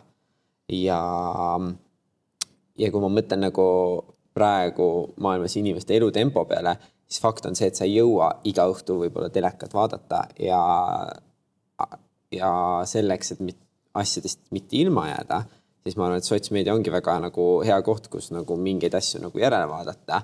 et ilmselgelt me kõiki intekaid ju ei, ei lae nagu eraldi üles, aga siuksed nagu ägedamad hetked äh, tasub alati ju sotsmeediasse üles panna, et, et veel rohkem inimesi sellest nagu osa saaks. et äh, tal on mitu, mitu olulist rolli minu silmis. aga kuidas meil Kõhtusaatel siis läheb sotsiaalmeedias? Mis tasemel äh, sa enda tööd hindad? või vaatame numbritele otsa? issand, iseennast on väga raske hinnata, ma alati nagu selles mõttes äh, annan äh, maksimumi endast. et äh, noh, tänu eelnevatele sotsmeedia toimetajatele meil on juba ja noh, muidugi saatejuhtidele on juba see nagu jälgijaskond seal taga. minul isiklikult ei ole vahet, kas seda jälgib kümme inimest või nelikümmend kaheksa pool tuhat on hetkel. jah, või nelikümmend kaheksa tuhat inimest. Instagramis, ma ei tea, mujal. ma teeks seda tööd ikka täpselt äh, nagu sama hästi nagu kui ma või kui, kui hästi ma oskan seda teha, et ma annaks alati maksimumi äh,. meil on hästi ägedad jälgijad äh, õhtus, kes nagu päriselt äh, nagu jälgivad ja kirjutavad meile ja nagu üritame neid võimalikult palju kaasata et ma arvan, et äh, õhtu sotsmeedia on väga eriline. ma arvan, et tänu saatele ja saatejuhtidele, et äh, ma muja, minu arust Eestis ei ole nii ägedat nagu sotsmeediat telesaatel, kui on õhtul. no saade jõuab äh, kümnendate tuhandete inimesteni igapäevaselt. samamoodi on ka sotsiaalmeediaga erinevate platvormidel kokku tulebki üle viiekümne tuhande püsijälgija ilmselt veel rohkemgi. Palju sa ise mõtled tol hetkel, kui sa neid pilte postad, et tegelikult nii palju inimesi näeb sinu kirjutatud väljamõeldud teksti ja pilti ja kõike muud sinna juurde kuuluvat. üldse ei mõtle, nagu kuidagi oled selles töö, töörütmis sees ja kuidagi ei ole aega mõelda sellele, et oh my god, et seda nagu actually näeb nii palju inimesi. et äh, vahepeal käib küll korraks ikka nagu reality check, et oo, et peaks nagu läbi mõtlema, aga, aga üldjuhul väga ei mõtle jah sellele. Et äh, seal on nii palju inimesi taga, kes seda näevad. tahad sa Anna täiendada sotsiaalmeedia teemadel? ei, ma nagu, ma nõustun kõigega. kas kõik muu on prügi ja me oleme head või ma arvan, et, ma arvan, et äh, Keir on kindlasti äh, õhtukontoga suunamudija, kindlasti. et äh, ma olen kuulnud, ma olen kuulnud seda erinevatest kohtadest, et ähm, õhtu Instagrami konto on tegelikult miski, mida vaatavad ka teised Instagrami kontod, mis on siis loodud äh, mingitele teistele sarnastele projektidele või ettevõtetele, et et äh, käekiri on väga hea ja see on äh,, ühesõnaga sisu on äh, väga kvaliteetne ja, ja ma arvan, et meie sotsiaalmeedia on äh, väga tugev ja põhjendatult väga tugev, et et äh, seda ei tasu üldse alahinnata, sotsiaalmeediat, ma mõtlen üleüldiselt äh, praeguses äh, maailmas telemaastiku kõrval, et ma isegi ütleks, et see on toetav, vaid ma ütleks, et see on isegi nagu täiustav lüli, et äh, ristmeedia selles Jah. suhtes, see on täielik ristmeedia ja väga hästi tehtud. Äh, aga jah, mul ongi see, et, et minu tööd muudavad väga palju lihtsamaks ka meie nagu saate toimetajad, kes ju neid teemasid ja mm -hmm. asju siia saatesse toovad, et, et kui ei oleks neid, siis tegelikult ei oleks teda nagu ägedat sisu, mida nagu jagada ka. et, et ma arvan, see on üks suur tiimitöö, kogu see sotsiaalmeedia. küsiks teilt ka siia lõppu veel ühe või paar nõuannet selles kontekstis, et te olete ise väga noored inimesed, kes on ikkagi väga adekvaatse saate juures väga tähtsates rollides tööl. Ja kui te, kui meid praegu hetkel kuulavad noored, kes samamoodi astuvad võib-olla enda esimesi samme või neil on unistus või soov saada võib-olla tulevikus tööle siis televisiooni või mõnda muusse loomevaldkonda, mis on videotööga seotud, siis mis oleks need nõuanded võib-olla selles osas, et me oleme rääkinud siin rasketest hetkedest ja nendest glamuursetest hetkedest, aga et nad tuleks tööle õigetel põhjustel, et miks mitte tulla teletööle nii-öelda valedel eesmärkidel, mis on need võib-olla teie poolt soovitused? võib-olla sõnastasin selle küsimuse kehvasti ja ma ei tea, kas keeruliselt sõnastasin. eks siis, mul tegelikult kirjas on vist siin lihtsamini, oota ma vaatan äh,, kus mul see küsimus on. nõuanded noortele, kes tulevad televisiooni valedel põhjustel mm.. väga lihtsakoeliselt sõnastatud. mulle tundub, et nagu, et kui sulle televaldkond ja telemaailm ei meeldi, siis tegelikult sa selles nagu valdkonnas väga kaua vastu ei pea et sulle peab nagu päriselt meeldima see. aga mis selle pakkuma. juures, mis selle juures meeldima peab? see on, ma arvan, seesama võlu, mis ma enne ütlesin, et äh, mida on nagu raske kirjeldada, aga see nagu telemaagia, et, äh, et see peab sul nagu olema või, või meeldima, see telemaagia, et, äh, et sa jõuaks seda tööd nagu teha, et mitte nagu ära äh,, ma ei tea, lämbuda selle tempo alla Eh, aga kui rääkida nõuannetest, siis ja kui inimene tunneb, et ta ikkagi tahab nagu teles töötada ja võib-olla ei tööta, et siis ma arvan, et täpselt see, et nagu tee mingi portfoolio, näita, mida sa, mida sa oskad teha ja mina ütlen küll, et paku ennast lihtsalt eh, sinna, kuhu sa sooviksid saada. Ja nii lihtne mm -hmm. ongi. ma arvan, et mm, telemaastikul kommunikatsioon on see kuidagi võtmesõna, et, et sa peadki suhtlema erinevate kohtadega ja näitama huvi ülesse. et, et täpselt niimoodi ongi sul võimalik kuhugi pääseda, et, et suhtlemine nii-öelda on siis selle kõige alus, et, et kuhugi pääseda, et vahet pole, kas sa kirjutad mingile saatele või mingile produktsioonile või mingile, mingile teletöötajale, et, et sealt saab kõik alguse, et peab nagu see tahtejõud olema, et tihtipeale kas noh, sellist väljendit kasutatakse nagu fake it till you make it, mida mulle filmimaastikul väga palju öeldi, mis ongi see, et sa peadki siplema ennast nii-öelda ellu seal maastikul ja, ja nii-öelda näiliselt, isegi kui sul oskuseid äh, veel ei ole piisavalt palju, siis tegema näo, et on ja, ja senikaua, kuni kõik kenasti sujub, siis, siis võib lugeda õnnestunuks. Töö. Pluss äh, kui sa juba näiteks oled televaldkonda nagu sisse saanud või tegelikult ei ole üldse oluline, mis valdkonda, et siis ma arvan küll seda, et kuula ja usalda nagu neid inimesi, kes on selles valdkonnas kauem olnud. Ja võta nende poolt seda tagasisidet nagu vastu, et, et saaksid nagu õppida ja areneda, mitte ära hakka nagu kohe nõudma mingeid asju mm,. sa nagu rääkisid mingist väga spetsiifilisest asjast. ei, sinust minust ei, tegelikult ma ei rääkinud andmast. ei, ei, ma ei äh,. mulle tundub lihtsalt, et nagu kogenumatelt inimestelt nagu õppimine on nagu, see ei maksa mitte midagi, aga see on nagu nii palju väärt. jah, see on tõsi. hästi öeldud. Küsin sama küsimuse veidi teise sõnastusega. kas telesse peaks tööle tulema enda või tele pärast? Enda nagu see, ma arvan, et selles suhtes enda pärast, et sa ei, see on nagu äh, osaliselt missioonitöö, et, et sul peab olema tahtmine seda päriselt, päriselt teha et äh, minu meelest ei ole mitte mingisugust teist põhjendust äh, teles töötamiseks kui see, et äh, sa tõesti tahad teha seda tööd. et kui sa ei taha seda tööd teha, sa ei pea vastu siin, et sa päriselt ei pea vastu. et telemaastik ei ole Eestis väga suur. Ähm, kõik, kõik nagu teavad kõiki ja, ja ega siia nagu ma ei ütleks, et telemaastikul on kõige lihtsam tööle saada nii-öelda uue tulijana, et sa pead kuskilt alustama, sa pead kuidagi selle jala ukse vahele pressima jõuga, et, äh, et selles suhtes ja sul peab ikkagi see sisemine, sisemine suur tahtmine olema olemas, et, äh, et sa siin jääksid püsima. jah, ma tahtsin äh, suhteliselt sama öelda, et sa ei pea telesse tööle tulema, et sa pead tahtma siia tööle tulla mm. -hmm. no see oli veel paremini öeldud oh, minu meelest. lõpuks ometi midagi tarka. see ei ole võistlus, see ei ole võistlus. ja küll ma annan teile viimase võib-olla see endast hea mulje, et miks meil on vaja selliseid meelelahutussaateid nagu Õhtu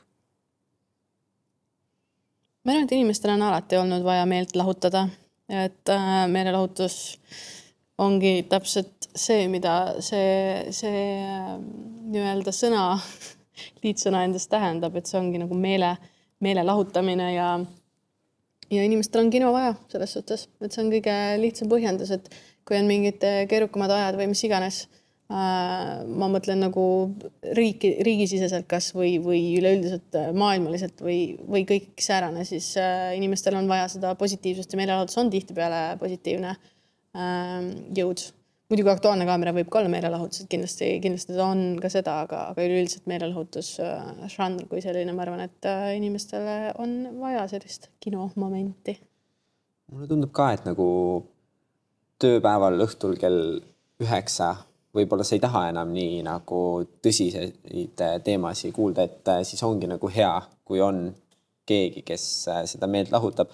pluss ma arvan, et äh, äh, ta annab platvormi meie muusikutele, näitlejatele mm, -hmm. ta annab mhm. platvormi inimestele võib-olla kes on nagu üliägedad ja kes teevad oma asja ülihästi võib-olla laias maailmas, aga me ei kuule mitte kunagi neist. et siis ma arvan, et meelelahutussaated ongi just see koht, kus neid inimesi nagu näidata. väga hästi öeldud oh,. taas kord kolmest kolm et äh, jaa, ma nõustun, tööd peab tegema, aga pulli peab ka saama aga miks sinu arvates oma jah? jah, Erik. meil on aeg täis täna mul on pissihäda peame joone alla tõmbama. ja tegelikult eh, tead, ma olen teile ülitänulik, et te mulle selle aja andsite meie enda selle ägeda valge laua taga, kus on väga palju tähtsaid koosolekuid peetud. ja Keir, mis meie need eh, Instagramid ja asjad on, tuletame endale ja kuulajatele. ja äh, Facebookis leiad meid Kanal kaks õhtu Instagramist at kanal kaks ohtu TikTokis samamoodi, et kanal kaks ohtu, Youtube'ist kanal kaks ja veebis ohtusaade.ee. sealt nii palju kohti. vapustav. klapp podcastil on ainult üks, see on at klapp podcast Instagramis.